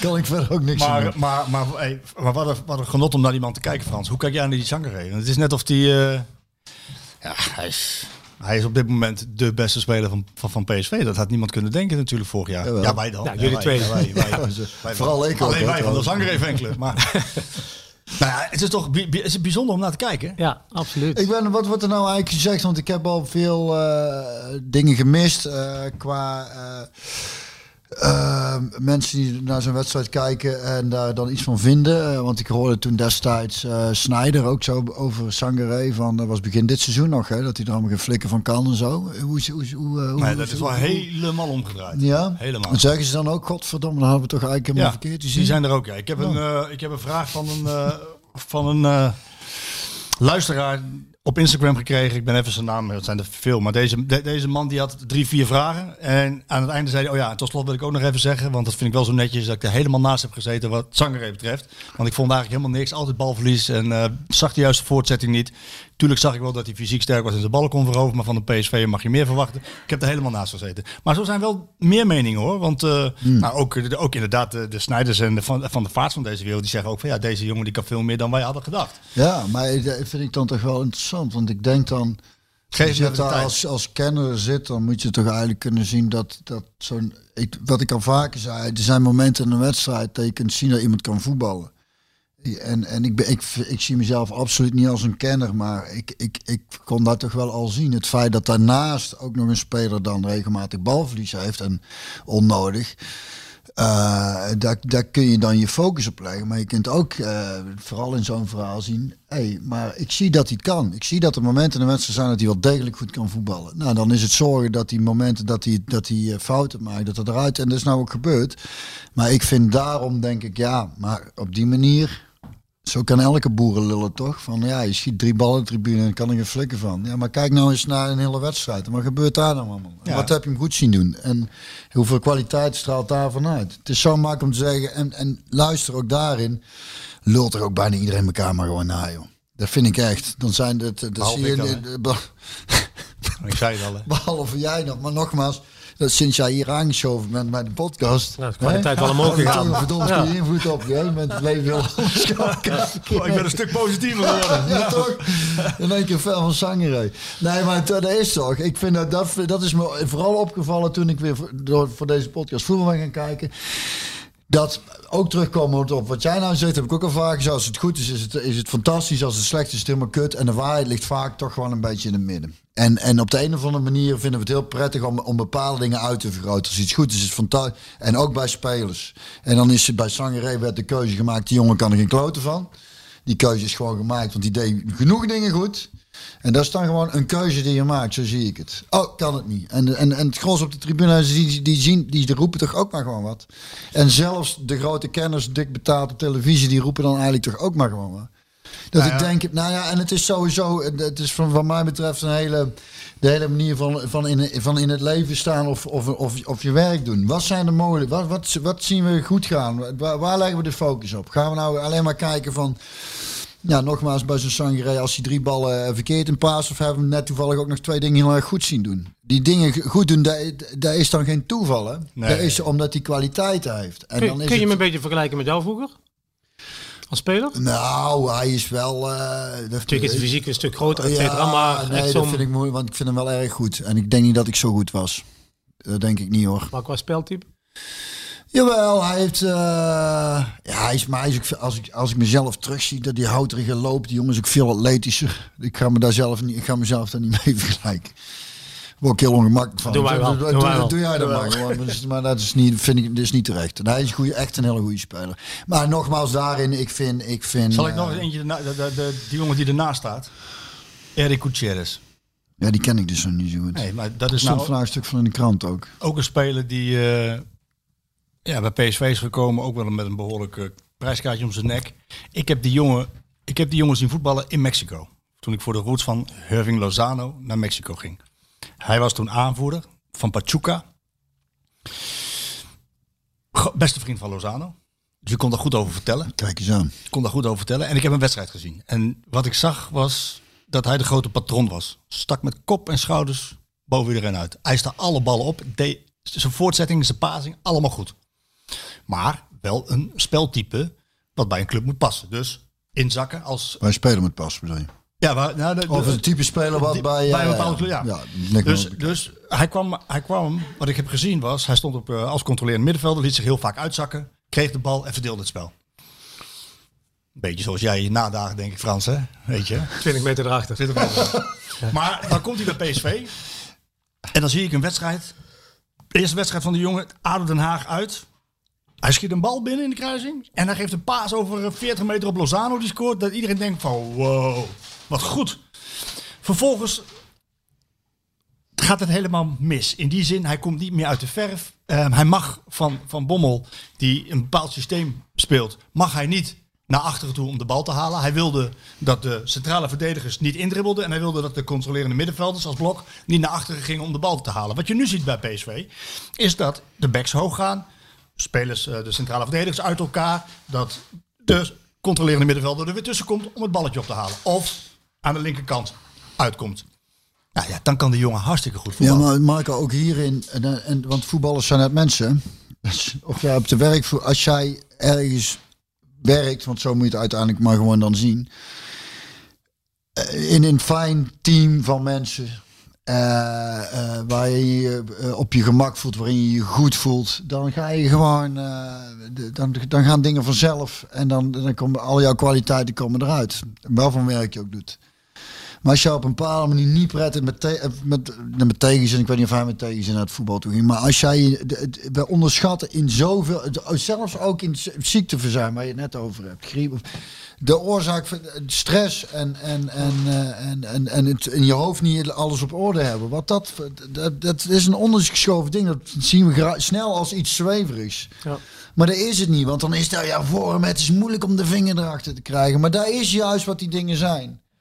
Dat is, dat is, en dat geldt niet alleen in de voet, dat geldt in heel je leven van hoe dat zit. Ik zou toch eens met Björn gaan praten om hem bij de club te betrekken voor dit soort dingen, Frans. Dat maak, weet- dat geen- weten toch genoeg mensen ook in de club. Nee, ja, maar ja, nee. ik, ik vind dat echt, eh, en, en, en daarin ook, eh, nogmaals, vind ik dat we soms te hard zijn in oordelen van die kan ik geen kloten van. Of denk je, weet geen idee wat er met diegene aan de hand is. Snap je? Eh, hadden vrijdag die uitvaart van, van, die, de, de- van Ja, Levi. Die, eh, Van een van die drie jongens die overleden is. ja, een hele box, eh, of een groot deel van de boxshow was erbij. Helpt natuurlijk niemand dan, hè, want het zijn allemaal stoere mannen. Komen s'avonds met boksen, iedereen ko- kop aan. Ja, ik ook. Ja, ik ook. Ja, vind dat gek. Dus De wij gingen op training. Ik zei, ik kon niet vooruit te branden. Dus, en ik heb weet, toen, toen ik voetbalde, toen eh, eh, iemand die belangrijk van was, was overleden. Ja, dan raak je gewoon geen pepernoot. Tenminste, ik niet. Om maar een voorbeeld aan te geven. Dus er speelt meer. Kijk, mensen kijken naar een voetballer zo van. Nou, daar gaat hij. Dat is niet echt een mens. Dat is gewoon een voetballer. En dat is daarvoor ik als club is het belangrijk. Dat supporters die jongens af en toe gewoon kunnen spreken. Dat ze, dat ze die als mensen gaan zien. En dan is er ook veel meer wederzijds begrip. Dus ook van speler naar supporters toe. En van supporter naar spelers. Hoe meer contact je met elkaar hebt, hoe beter het is. Maar mensen eh, moeten wel beseffen dat, dat eh, als iemand een bal eh, verkeerd raakt, we zijn gauw geneigd om dan of lachricht erover te doen, of weet, die kan het allemaal niet, weet je.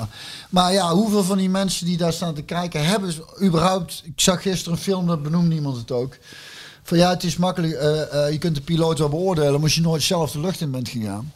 En het is makkelijk om een voetballer te beoordelen, maar als jij nooit een stadion met 35.000 man bent binnengelopen om te gaan voetballen, dan, wordt het dan, dan kun, je het wel, kun, je, kun je het wel doen met een hele grote mond. Maar als je niet weet hoe het is, dan, dan, dan verandert een hoop. Ja. En, en, maar dat klopt wel, hè, want het, het- het- ik kijk niet alle praatprogramma's over voetbal, moet ik zeggen. Maar er was ik weet niet meer welk het was, maar dan ging het over Bruma. Ja. Hè, dat hij nu weer eh, goed speelt hè, en eh, topscorer van PSV. En toen zei een van de journalisten van...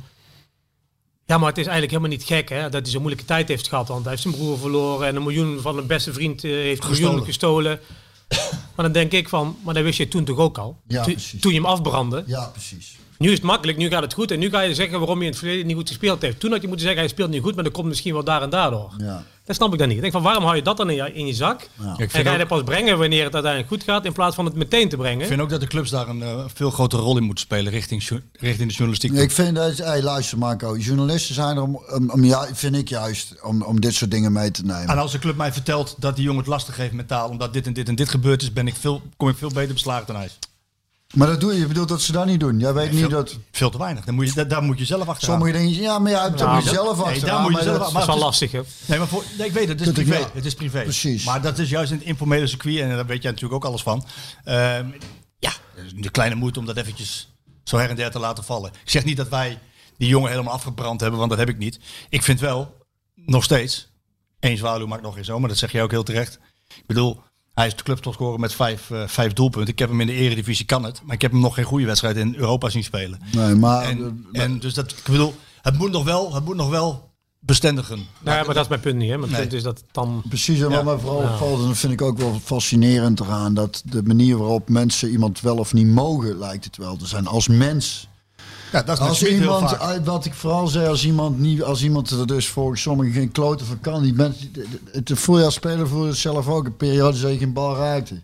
Hoe mensen je benaderen. Dat is compleet anders dan wanneer je het goed doet. Hetzelfde, hetzelfde jongen. Niks, niks anders. Alleen je op je prestaties word je beoordeeld als mens ook. De mensen doen lacherig over die jongens die, niet goed kunnen, die het niet goed doen. Weet je wel, daar hoeven ze- dat is dat- een, pra- een programma zo een beetje lacherig over gedaan. Er is ook weinig sympathie voor, weet je wel. En de grote jongens, die jongens die, die, die, die, oh, die, daar willen we allemaal zo graag bij horen. Dat vinden we allemaal zo. En en zo ja, dan, dan hebben, dat vind ik een heel fascinerend eh, verschijnsel. Dan hebben we dus inderdaad ook in één keer meer sympathie ervoor. Ja, toen het niet zo goed ging, komt dat daardoor. Nou doet hij het wel. Oh, dus hij kan goed voetbal. Oh, dan vinden we het ook een heel leuke jongen. Vinicius, wat vind je daarvan? Dat vind ik een hele leuke jongen.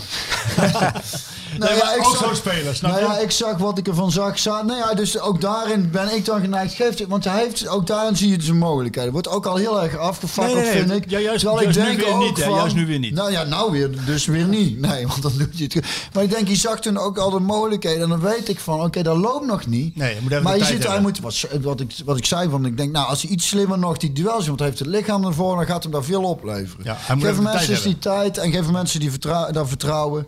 Het is allemaal niet niks. Hè. Die jongens, die, het wordt allemaal verwacht dat iedereen meteen. En het is ook dat een beetje, hè, wat, ik, wat ik bij sommige eh, eh, analytici vind. Als het geen Messi is, dan is het ook allemaal rotzooi ook. Hè.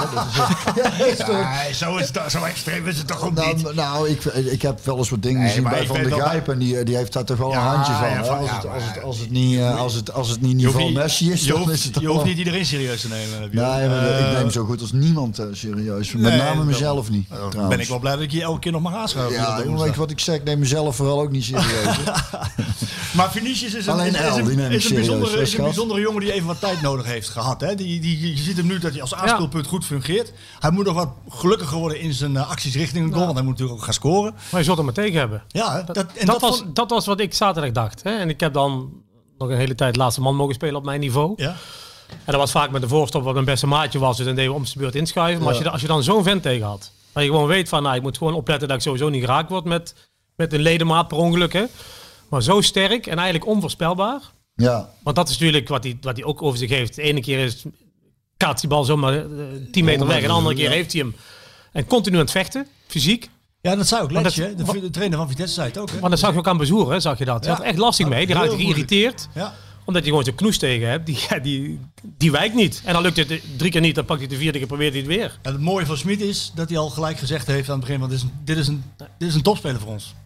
Smit heeft al gezegd: dit is ja een, nou, ik heb het idee dat. Smit toch heel veel dingen wel goed Ja, ziet. maar wij en- kunnen ook geen training zien, eh, Björn. Dus ik kan Nee, hem ook nee, niet nee, beoordelen. dat- Dat maar, dat- Oké, maar daar zeg je iets heel belangrijks. Dat heb ik al vaak gezegd. Daarvoor moet je ook voorzichtig zijn met je oordelen, vind ik. Ja, dat doe ik ook. Oh, om, eh, ja, ik vind bij jou allemaal nog wel meevallen. Maar, maar, maar, Fijn, hè? maar over het al- de- de- dus een boodschap voor de. Ik ben, er voorzi- ben voorzichtig Ja, met je oordelen. Geef mensen eens even de tijd. En ga eens vooral kijken wat, wat, wat eh, in positieve zin opvalt. En dan kom ik weer terug op toen onze tuin bij RPC voetbal zo'n bij elkaar geraapt soortjes elftal, weet je wel. En die jongens speelden allemaal voor de plezier. En de een eh, die, raakte een bal eh, 9 van de 10 keer niet. Maar als hij hem wel raakte. Dus als je langs zo'n veld gaat staan en gaat kijken op wat er wel goed gaat. En, wat en eh, de, heel, heel basic even. Maar dat is als je, het, het is echt eh, ik, eh, de oproep aan iedereen. Ga nou eens gewoon eens even kijken van wat mensen goed doen. En, en dan dat maak je voor, met name voor jezelf het leven ook een stuk aangenamer. Wat het leven ook een stuk aangenamer zou maken, is als PSV een keer wint in Friesland van Heerenveen. Dat zou ook wel leuk zijn. Maar ben je wel eens daar, ben je wel eens, heb je daar wel eens gespeeld? De eerste 2,5 uur in de bus. En dan een Als een porno- als er een pornofilm gedraaid koude, wordt. Koude wind. Als er een pornofilm gedraaid dat bij ons die Marco. En dan op dat koude winderige veld een warming-upje naar binnen. En dan, en, dan, en dan kom je dat veld op en dan moet je godverdomme nog naar het volkslied gaan staan luisteren. Dan krijg je nog kouder. Herenveen. Herenveen. Dat roepen ze dan ook gewoon 19 minuten lang. Super, super la. Het is echt, dat wil je niet. Luister, quizvraag. Wanneer, Ja. wanneer won PSV voor het laatst in Friesland van Heerenveen? 1972. Zo ongeveer. Ik kan, ik denk, kan het alleen maar meevallen. Zo ongeveer. Ja, twee, dat is, eh, ja, ze hebben één keer nog gewonnen in 2011 aan het einde van het jaar, 28 of eh, 23 december of zo, eh, of 18 december, 5-1. En daarna is het, is het een angstgegner geworden. Voor, Dus eh, sinds 2011 niet meer gewonnen dan? Nee. Al tien jaar Ja, niet gewonnen. in, in Heerenveen, hè? Ja, in Heerenveen, dat Was het. dat vorig jaar die wedstrijd die we ook heel goed speelden? De eerste helft. Fantastisch. En toen de tweede helft. En toen haalden die vijf spelers eraf. Gutsen, Iataren, Gakpo, Savi en Malen. Allemaal eh, nou ja, uit voorzorg. En, eh, en ja, dat werd Nou, uiteindelijk... daarom hebben we afgelopen zaterdag zo goed gespeeld. Ja, dat, was net zeggen, ja. dat, is- dat, voetbal. dat, dat betaalt zich nu dus weer terug. Dat is Nou, voetbal, dat is voetbal. Nee, maar goed, dat is dus een, had jij angstgegners in jouw eh, periode als speler? Was er een club waar je liever niet tegen speelde? Omdat je wist van, even los van de top drie, maar... Nee, eh, voor mijzelf was het. eh, eh, wat, ik, wat ik voor mezelf had. Was dat ik, eh, dat heb ik al eens vaker gezegd, eh, die wedstrijden tegen Ajax of zo, dat ging, dat ging eigenlijk altijd een beetje vanzelf. En wat mijn probleem een beetje was, denk ik, is dat eh, wedstrijden tegen de mindere goden Tegen die kleine clubjes uit naar RBC, ik noem maar iets. Dat kun je nou zeggen, want die club bestaat niet meer, toch? Die bestaan niet meer. Die bestaan nog wel, alleen die voetballen niet meer in de betaalvoetbal. Precies, ja, dat. Eh, dan eh, dat, dat, zo'n half gevuld, of ja, de stadion zat dan wel vol, maar dat, dat, dat, dat eh, tegen, tegen een club waar je dan van moest winnen, weet je wel. En, en, en die jongens gingen dan natuurlijk altijd eh, de volop. En dat dat de wedstrijden dat het niet vanzelf ging, dan ging ik eigenlijk vaak te veel doen. Want dan wilde ik laten zien dat, het, dat ik wel degelijk, eh, eh, eh, dat je wel degelijk gemotiveerd bent. Dan ging ik allemaal te veel onnodige meters maken en eh, speelde ik eigenlijk meestal slecht. En, en, dus maar echt angst, gegners.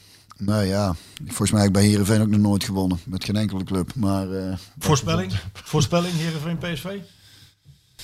Oh ja, de voorspelling. Ja, dat doe ik liever niet, want... eh, Ik ook niet. Nee, want... Ik wel, 1-3.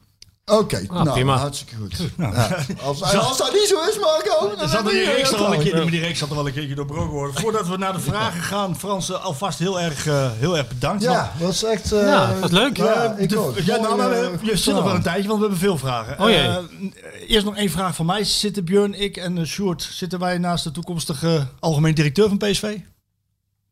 Nu? Ja, zitten wij nu naast Nee, de dat denk ik er niet, nee.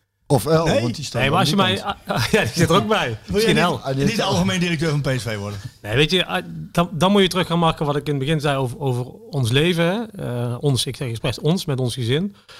Toen wij voor het eerst werden gevraagd om naar het buitenland te gaan met het hele zooitje. Vanuit een dorp in Lint waar, je- waar iedereen elkaar kent. En eh, eigenlijk niet zonder kan, zou je bijna... Toen zeiden we, dat doen we één keer. En over drie jaar zijn we weer lekker terug in ons huisje. Dat en we zijn twintig jaar weggebleven. Ja, weet je, wij pakken, we pakken elke dag zoals hij is. En, en, en als je die keuze eenmaal maakt... kladden, godverdomme. Zou je het willen? Bij de Frans, kladden. zou je het willen? Weet ik eigenlijk niet. Waarschijnlijk als je me tien jaar geleden had gevraagd, had ik gezegd, ja, tuurlijk. Dat weet ik niet. Nee? Ik, ik, nee, ik zie natuurlijk ook wat, wat het inhoudt van heel dichtbij nu. Ook, ook voor Toon, maar ook voor andere algemene directeuren. Mooi ook aan ouder worden. Hè? Dat je dat Ja, nee, meer, ja, eh, nee precies. Nee, ik- ben daar niet van... Ik, nogmaals, tien jaar geleden had ik waarschijnlijk gezegd, ja, morgen. Maar nu, ik, ik weet het niet. En ik, ik vind sowieso, ik denk dat ik nu, en dat klinkt heel arrogant, maar ik denk dat ik nu de beste commercieel directeur ben. Voor PSV, op dit moment. Dus waarom zou je dan mij in één keer op een andere functie gaan zetten, terwijl je misschien geen betere commercieel directeur hebt? Dat zou heel dom zijn, toch? Ja. Blinde ambitie? Nou, nee, nee, die is er niet. Nee? Oké, Nee. Nee. mooi. mooi, hè? Heel mooi. Eh, jij hebt nog een verhaal of zal ik eerst de vragen doen? Jouw haar zit ook mooi, Marco. Maar Het is een lok, Ja, ik. het Een ziet, lok. het ziet er goed uit. Ja, heb ik, daar heb ik soms met. Ja, dat, dat mag gezegd worden. Ja, mensen zien dat niet, maar... Ja, dat komt- dat zie ik- hoe fijn het is als je elkaar een keer een complimentje geeft. maar dat doen wij toch wel? We Ja, schuiven dat elkaar ik toch regelmatig een veer in onze geef-? Ja, precies. Geef elkaar eens een complimentje af en toe. En knuffel elkaar ook gewoon. Hè? Zullen we eerst even wat vragen doen of niet? Tenminste, Knuffelen als je familie, gevaccineerd als je gevaccineerd van, bent. nee, familie, hè? Familie. Familie, zo belangrijk. Zullen we eerst wat vragen doen of wil je eerst je verhaal doen? Nee, eh, we eerst even vragen, want dan lul ik naar het eind slotliedje toe namelijk. Er is allemaal over nagedacht. Eerst Dat was eh, vorige week wel heel mooi. Kippenvel. Oh, Ja. nou, dank je. Ik heb daar nog Tijdens een heel mooi bericht gekregen van Tijdens het hardlopen was echt, ik, Ja. moest gewoon even stoppen. Oh, Stom, hè? Nou, nou Ja, maar- veel, en- veel meer mensen, Frans. Ja, die- was echt bizar. zeiden van het kippenvel. Ja. Ja, ja nee, maar dat is Ja. natuurlijk ook kippenvel natuurlijk. Eh, Frank Wint Peters wil jou een compliment geven. Dankjewel. Compliment voor onze directeur dat hij een, zijn commercieel directeur dat hij zijn medewerkers vorig seizoen een prima oplossing. Dat hij en zijn medewerkers vorig seizoen een prima oplossing hebben gevonden met betrekking tot de seizoenskaart. Dus dat is, wel degelijk heel erg gewaardeerd. Ehm vluchteling. Niet vluchteling, maar vluchteling. Oh, die komt uit Vught. Zou je denken? Vught. Als er een Chinees of crypto of goksite zich als sponsor meldt, die net wat meer biedt als shirtsponsors dan Brainport Eindhoven, waar kies je dan voor? De euro's of de binding met de regio? Ik dacht, die komt met een mop, dacht ik. Als een Chinees, een Duitser en een Belg. Nee, dat is op dit moment een heel simpel antwoord. Weet je, we zijn dit traject ingegaan en het loopt goed. En het, eh, het loopt door. Nee, absoluut niet. Nee? Nee. Jullie willen ook niet één eigenaar, hè? Dat is eh, een no-go, toch? Bij de club bedoel je? Dat ooit verkocht worden? Ja? Ja, absoluut niet op dit moment, nee. Maar je moet, je moet, Altijd, altijd moet je slag om de nee, je moet nooit, nooit, en uniek zeggen. Want er is altijd iemand die dan toch vindt dat het niet zo uniek was ergens in de achterlanden Ja, ja. van Zuid-Amerika of zo. Dus dat moet je ook nooit, nooit zeggen. Frans, wanneer wordt er gekeken naar supporters die in het buitenland wonen, wil Bart weten. Hij woont in Australië en om elke weekend PSV te kijken, kan dat alleen via illegale streams of via een moeilijke VPN-omweg. Waarom kan, illegaal. Nou, dat waarom was- kan dat was- ESPN de beelden niet gewoon doorgeven? Want zij zijn ook hier te krijgen. Dus een abonnement is zo afgesloten. In Mexico en Amerika wordt dit volgens mij al gedaan.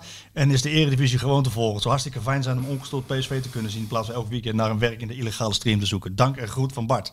Ja, nou, dat was ook een beetje mijn leven toen de tijd. Ja, Eh, Illegale streams. Ja, inderdaad.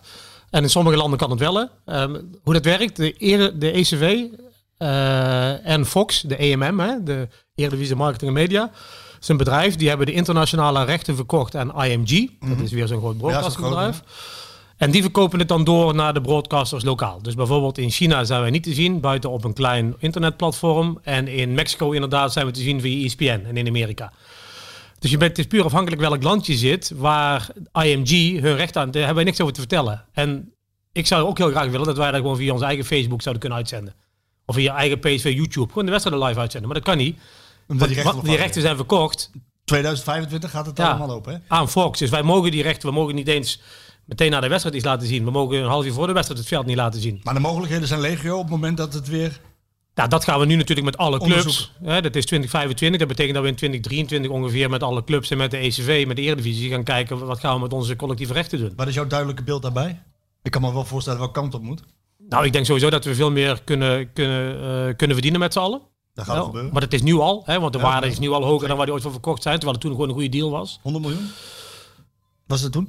Nee, eh, nee, in de 80. In de 80 ergens. En ehm, voor de nationale. En dan Ja, komt er inderdaad, nee, nog- daar komt er inderdaad. nog 12 tot 15 bij voor de internationale.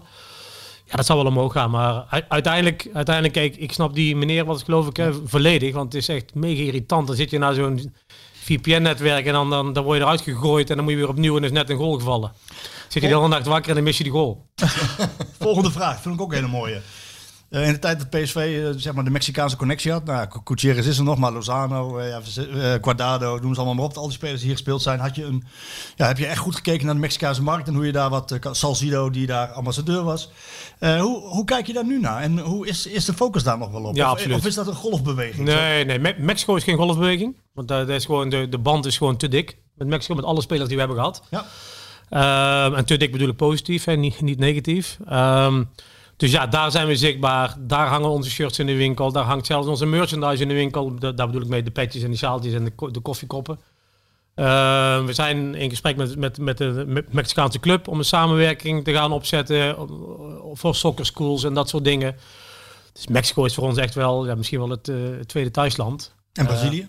Want daar heb je van oudsher ook natuurlijk een grote band mee. Ja, maar daar is, daar, nog. daar is hij minder sterk mee. Daar gaan we wel weer proberen op te pakken. Nou, slim. En Amerika ook. Oké, ja. Ja. Wat natuurlijk een heel groot onontgonnen gebied is nog. Ja. ja. Robin zelf. PSV kult het Brabant imago flink. Met Frank Lammers en Guus Meeuwis voorop. En de parel En- en een in het zakje. Houdt dat de club in commercieel opzicht niet een beetje tegen? Zou PSV niet meer landelijk moeten denken om inkomsten te vergroten? En ik heb daar nog een vraag bij. Van Son of a Gun. is hetzelfde. In hoeverre richt PSV zich ook op supporters en sponsors buiten Groot Eindhoven en Brabant? Kun je daar iets over vertellen? Context, hij groeide op in de Achterhoek. Daar waren best wel wat PSV-supporters, maar zag dan nooit PSV-promotieactiviteiten. Ajax en Feyenoord doen dat wel. Ehm, is eigenlijk twee, Nou, ongeveer hetzelfde. ja on- ongeveer. Maar over de sponsors eerst, eventjes. Ehm, we hebben ooit meegedaan, een jaar geleden, anderhalf jaar geleden, eh, een of ander award die, we konden winnen in Nederland. Ook voor Brainport. En toen moesten we voor een jury presenteren via Teams toen al, was in de coronatijd. En toen had ik mijn verhaal gedaan en toen zei een van de juryleden, ja, maar ja, weet je, alle respect, dit is toch zo regionaal gedacht wat jullie aan het doen zijn. En toen heb ik eigenlijk letterlijk gezegd, ik wil die prijs niet meer winnen. Philips, ASML, VDL. VDL. En gewoon de grootste bedrijven die Nederland heeft. Ja. Weet je, dat ze, ik kan er niks aan doen dat ze toevallig allemaal uit Eindhoven komen. Kan ik niks aan doen. Daar zijn we wel heel trots op. En dan hoor je dus heel vaak, ja, maar jullie zoeken allemaal bedrijven uit de regio. Ja, dan komt er hier nou eenmaal de mooiste bedrijven zitten. Ja, wat moet ik dan doen? Moet, ik dan een slagerij uit, eh, weet ik veel. Kampen. Ja, ga, ga, gaan binnenhalen. Nee, dus, Slagerij van Kampen. dus ja, dat vind ik wel, ja, we zijn gewoon heel trots op de, op de partners die we hebben. En dat er nou eenmaal, En eh, mag ik erop inhaken? Want ik heb dat, die, ja. die gesprek ook gehad met eh, dinges van PSV. God. nou, ben zijn naam heel even, even kwijt. Sorry jongen als je luistert. Maar er zit veel in wat doet hij? Eh, ook, hij, heeft, hij, heeft, hij heeft verschillende mensen benaderd voor, eh, om, om de- hij heeft ook met Barry gesproken en supporters gesproken van hoe we ons als PSV nou neer moeten zetten naar de buitenwereld. Haley. Ja, Elia. Ja. Ja. ik komt omdat we net Ja. over Levi hadden en dat ligt dicht Ja, bij elkaar, dus ik, ik kreeg het even niet bij elkaar. Elia. En, en ik snap zijn spagaat een beetje. En, eh, want, en daar is ook het moeilijke eraan, want ik vind juist die, die, die, die ziel van PSV, ook met name hier zit, juist ook door Philips. En, eh, en eh, dat, het typisch Brabantse. En dat wil niet zeggen dat je niet eh, buiten de, de regio kunt profileren. Alleen het is een beetje die wisselwerking, denk ik, dat je inderdaad, nou ja, als je hier prachtig bedrijf hebt zitten, dan zou je gek zijn om dat niet te gebruiken. En dat regionale gevoel is ook juist de kracht. En, en oh, er staat hier een kat uit tegen de deur aan te rammelen. Dus ik, vind- dit, het is niet eh, eh, of-of, het is eh, het meer zaak van en-en. We moeten die, die, die, die, die identiteit van PSV, wat toch gewoon hier, hier liggen die roots ook in dat Brabantse, dat er is iets speciaals volgens mij, wat heel veel mensen voelen. Ik hoor heel vaak mensen zeggen als ik buiten de provincie, oh, jij komt uit Brabant. Ik hoor nooit iemand eh, als, eh, eh, uit Amsterdam zeggen, oh, jij komt uit Noord-Holland. Nee. Nee, hoort er nooit. Nee. Zo graaf, je komt uit Gelderland. Amsterdam, zeggen ze dan. Toch? gewoon Amsterdam. Ja, Amsterdam met Amsterdam. en- Nee, of uit Rotterdam, Gelderland. Of uit, eh, nee, dus, daar is, dus kennelijk is Brabant is iets. En eh, dus ik vind dat, dat eh, PSV wel degelijk dat regionale eh, moet uit blijven stralen. Maar dan op een internationale manier. Oh, dat is mooi gezegd zeg. Oh, oh. We maken dingen werken. Makkelijk hè? Ja, nou, daar ga je Frans. Succes. Regionale waarde, maar internationaal uitstralen. Zitten er nog, eh, zijn er de komende jaren nog verbouwingen aan het Philipsstadion aan te komen? Crypto Dude vraagt dat. Jullie hebben trouwens een cryptomunt, hè? Dus eh, jullie Ja. werken samen, hè? Anycoin, ja. Ja, Anycoin, nee, ja. Dat is ja. Eh, maar zitten er, want jullie wilden dat congrescentrum graag hebben. Dat Ja, dat hebben we niet gewonnen. Niet Nee, gewonnen, nee, pitch nee, is maar we zijn wel aan het kijken inderdaad met, met eh, ontwikkelaars, met de gemeente. Wat we dan wel mogen en kunnen rondom het stadion. Het is- Bouwen op parkeerterrein? ja, mogelijk. Hè, want we zijn, ehm, ja nogmaals, toen ik een klein manneke was en daar rondliep. Toen, eh, toen was eigenlijk het stadion een beetje de, de buitenkant van de binnenstad. Hè, daar hield het eigenlijk wel Ja. op, want daarna kwamen er nog alleen maar fabrieken. En het POC, het gekomen. Ja, nu, nu ligt het stadion midden, midden. midden. in de binnenstad. Ja. Tussen Strijp S en de binnenstad in. Dus je bent in zo'n belangrijk gedeelte van de stad. En als we heel eerlijk zijn, doen lopen je vanavond om? 8 uur eens langs. Het is niet prettig. Weet je, het is niet het mooiste gedeelte van de stad. Dus Ja, de- ligt eraan als je de spoorkant vindt, maar die andere kant. fantastisch. De Frederiklaan en Philipsdorp. is prachtig Ja. opgeknapt. Dus alsof, alsof Ja. je door, het is echt zo'n jaren 50. eh, Fantastisch mooi gemaakt. Ja, is heel mooi gedaan. Ja. Moet je maar eens een keer doen. Wees er, eh, wees er. Alleen dus, ja, ja, er zijn plannen, maar nog- niet concreet dat, eh, dat we ze hebben uitgetekend en eh et Nee. cetera. Ehm, tot slot, Gijs. Dan heb ik nog een vraag aan jou zometeen. Oh. Gijs die heeft vier vragen. Vier. Maar daar kun je even kort antwoord op geven. Waarbij de laatste misschien wel leuk is voor Gijs. Als je daar ja op antwoordt. Hoe lang duurt gemiddeld de tot, totstandkoming van de sponsorship? Waar ben je het meest trots op? Wat is het moeilijkste besluit dat je hebt moeten nemen in je huidige functie? En heb je nog een vacature open? Gijs vraagt dat. Nou, op dit moment hebben we niet echt vacatures open. Jammer Gijs. En dan hadden we ze, dan moesten we er even goed naar kijken op dit moment. Daar moet ook eerlijk in zijn. Ja. Met alles wat we al hebben besproken. Dus dat is eerlijk, denk ik. Ja. Ja, ja eh, gemiddeld, gemiddeld sponsorship. eh, ja, dat, weet je, het aantal stoelen in de businessclub, dat kan eh, ongeveer per telefoon zo snel gaan. En Brainport heeft, denk ik, een dik jaar geduurd. Die hele samenwerking uit te werken. En daar ben je gewoon een jaar eigenlijk fulltime mee bezig met een, met een klein team. En, en alles wat ertussen zit. Dus dat is echt heel, heel verschillend. Waar ben ik het meest trots op? Ja, dat Brainport is natuurlijk een mooi verhaal. Dat, dat het, vooral dat het werkt. Hè. Het aankondigen was al mooi, maar dan weet je eigenlijk nog niks. Want ik was zelf ook niet helemaal Nee. overtuigd dat het echt zou gaan werken. Dat weet je nooit. Dan moet je eens Dat kijken. is volgens mij ook als je, als je nummer schrijft, dan weet je ook pas of dat aanslaat wanneer mensen het gaan horen. Ik heb meestal wel vermoeden dat het weer geen hit gaat worden. Ja, en, en, en wat was het moeilijkste? Wat is het moeilijkste wat je moet nemen? Het, het moeilijkste was omdat je daar echt niet wist of dat het goed was. Ik was er wel van overtuigd innerlijk van die drie verschillende seizoenkaarten die we toen hebben bedacht. In die coronatijd, hè, dat zeg maar het, het eerste volle seizoen. Met het hele team. En op een gegeven moment, we hebben daar zoveel vergaderingen over gehad. Ik denk wel 30 in, in, in, in vier, vijf weken tijd. En ik was op een gegeven moment toch een paar dagen op vakantie. En toen had ik een gesprek met een vriendin van ons, die was mee. En die zit ook in marketing, maar helemaal niks met voetbal. En die zei tegen mij, zei, Frans, ik jou wil praten, dan heb je toch lang een beslissing genomen. Je moet dit doen. Terwijl ik helemaal geen verstand van heb, zegt ze. En toen heb ik 's ochtends gebeld. Ik zei, "Dit- deze vergadering gaat niet meer door, we gaan het zo doen. Dat vond ik wel heel moeilijk, maar ik wist gewoon het team was, want hoe meer je erover door gaat praten, hoe dieper je naar beneden gaat. Hè? Je gaat steeds meer in detail. En dan ga je producten verzinnen die niemand meer snapt en waar je zelf over een maand niet meer weet hoe je ze verzonnen hebt. Dus besluit genomen. Ja, gewoon besluit genomen. Dit gaan we doen, jongens. Ook niet meer, nu, nu ook niet meer in vragen stellen. We gaan hem nu doen. En dat is wel weer het mooie. Dan heb je een keuze gemaakt. En dan weet je nooit hoe een andere keuze zijn uitgepakt. Dat is helemaal niet erg. Nee, nee. Maar dat was wel moeilijk. Want je, ja, dan, dan, moet je, dan moet je ervoor gaan. Ja, maar ja, goed, daar ben je directeur voor. Ja. Duidelijk. Dankjewel. Graag Eh, nog gedaan. één vraag eh, aan jou van Jan Peters. Beste Marco Björn en Skeeter Sjoertje. En Ellen hoort er ook nog wel een beetje bij. Ik luister altijd graag naar jullie podcast en waardeer bij onze heerlijke luchtige mening dan ook absoluut. Ik als mede wintersportliefhebber, kritiekaster op het coronabeleid en hartstochtelijk NEC'er. Kijk, Kijk, dat is een, dat is een goede gozer, of niet? dat is een d- drie G's. Ja, zie je dan ook veel gelijkenissen Geweldig met goede gozer. En werd helemaal warm van het idee van sherrysoep. Of gewoon, Ja. of gewoon snaps in de voetbalstadion. Ja. Hebben wij als NEC is het sowieso moeilijk wanneer het aankomt op stadiontoegang. Ja, Maar daar hebben we een creatieve oplossing voor gevonden. Door onze thuiswedstrijden vanuit de apres-ski tent in de omloop van het stadion te bekijken. Aangezien ik sterk het vermoeden heb dat Björn dit ook wel wat lijkt. En ik bovendien als jong manneke al vaker vanuit de Goffert heb zijn juichen voor Björn. Vroeg ik me af of het de parel en wellicht Ellen, Marco en Sjoerd ook leuk lijkt. Om hier bij de komende thuiswedstrijd voor pannen vol sherrysoep te gaan zorgen. Vanuit onze kant valt er altijd wel iets te regelen. Qua voeien. Kijk maar. Ik vind, het, eh, ik vind het een heel leuk idee. En ik zie El ook een knik. Ik moet even Theo van Bentum dan eh, even een berichtje sturen. Hij kan mij, eh moeten we even kijken wanneer dat zou kunnen, een wedstrijd uit, uitkiezen. Maar ik vind het wel heel erg leuk. En, want ik, ik zat toevallig van, van de week te denken, ik, ben ik heb nog steeds niks ingepland om naar NEC te gaan kijken. Nou, nou, dit is een mooie aanleiding. Ja, Dat is ja, jammer hè, 12, 12 december spelen we er, maar ja, Ja. dat is zonder publiek. ja, Sowieso voor hun hè, natuurlijk op dit moment met het stadion. ja. Maar goed, ze kijken dus in hè, skihut. Nou, dat spreek je sowieso aan. Ja, als het maar niet zo'n skihut, eh dan wel gewoon echt goede muziek. Niet van die skihut, eh zo'n skihut DJ, hè? Niet, eh, Met, ik- drie maten van één liedje en dan het volgende weer. En dan zelf mee gaan zitten blaren. Dus dat wil ik dan niet. dan komen Ja, maar dat- die eis mag je stellen. Die eis mag je stellen. Wil je gewoon je eigen gitaar meenemen? Nee, nee, nee, nee dat doe ik Jan niet met Peters, je moet even een berichtje sturen eh, naar, eh, naar Björn. Eh. Ja, stuur maar even... en dat kan gewoon via Instagram of via Facebook of eh, op zijn Nee, ja, website. doe of, van mijn Mail. website staat mijn mailadres en mijn telefoonnummer. Dus je kunt ook een appje sturen of een mailtje.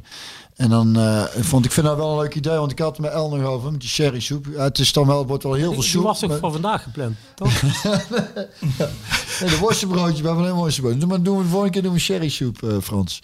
Of die kunnen we mooi doen bij het eh, festivalletje. De, de, als we de, Als afsluiten. Ja. als afsluiter. Oké, Jan Peters, je kan een mail sturen naar Ja. Björn. Hij staat ervoor open. En wie- wellicht komen Sjoerd en ik ook. En Ellen, take it away. Wat wil je nog zeggen? Nou, eh, over actualiteit gesproken. Vandaag, precies vandaag, 24 november 2021, is het 30 jaar geleden dat mijn eh, grootste muzikale held Freddie Mercury eh, is overleden. Ach jee. Ja. En ik kan me dan namelijk nog goed herinneren. Ik zat op het PSV-internaat en eh, het was al, eh, het verhaal ging al eventjes hè, eh, dat hij eventueel ziek was, maar dat is nooit officieel naar buiten gekomen. Tot op die zondagavond 23 november hoorde ik toevallig op de radio, dacht ik hoor ik nou goed, dat bekend was gemaakt dat hij aids had. En ehm, die, die avond is hij overleden, volgens mij 7 uur Engelse tijd, zoiets. En toen kwam ik de volgende ochtend kwam ik daar pas achter, maandagochtend. En toen zette ons mama nog af op het station in Den Bosch. En toen de trein naar Eindhoven en er stond een PSV-busje. En toen kwam ik dat busje in en toen was ik heel erg, dat vond ik heel erg dat Freddie Mercury was overleden. En eh, toen zaten al die jongens in het busje allemaal te lachen. Ah, hij is dood. Want dat doen jongens dan van die leeftijd. En die dag is toen, eh, zijn toen opnames gemaakt van het Klokhuis. En die staan nog op YouTube. Dus als mensen nieuwsgierig zijn hoe ik eruit zag toen ik 14 was of 15, eh, het staat op YouTube. Dat is dat filmpje van het internaat, hè? ja, Ja. film van internaat. En dat is dus eh, eh, 30 jaar geleden gemaakt. eh, op eh, 24 november. Dus ik was ook re- redelijk depressief die dag.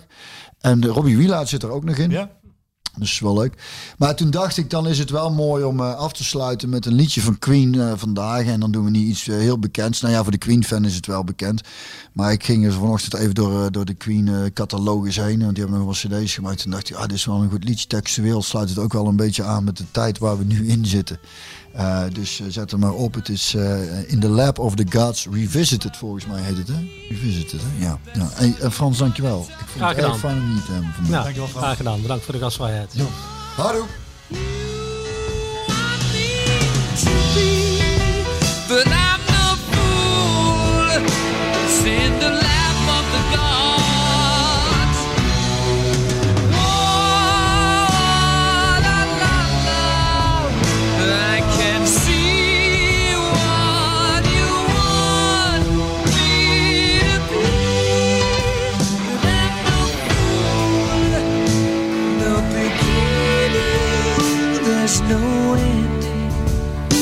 There's no meaning by pretending.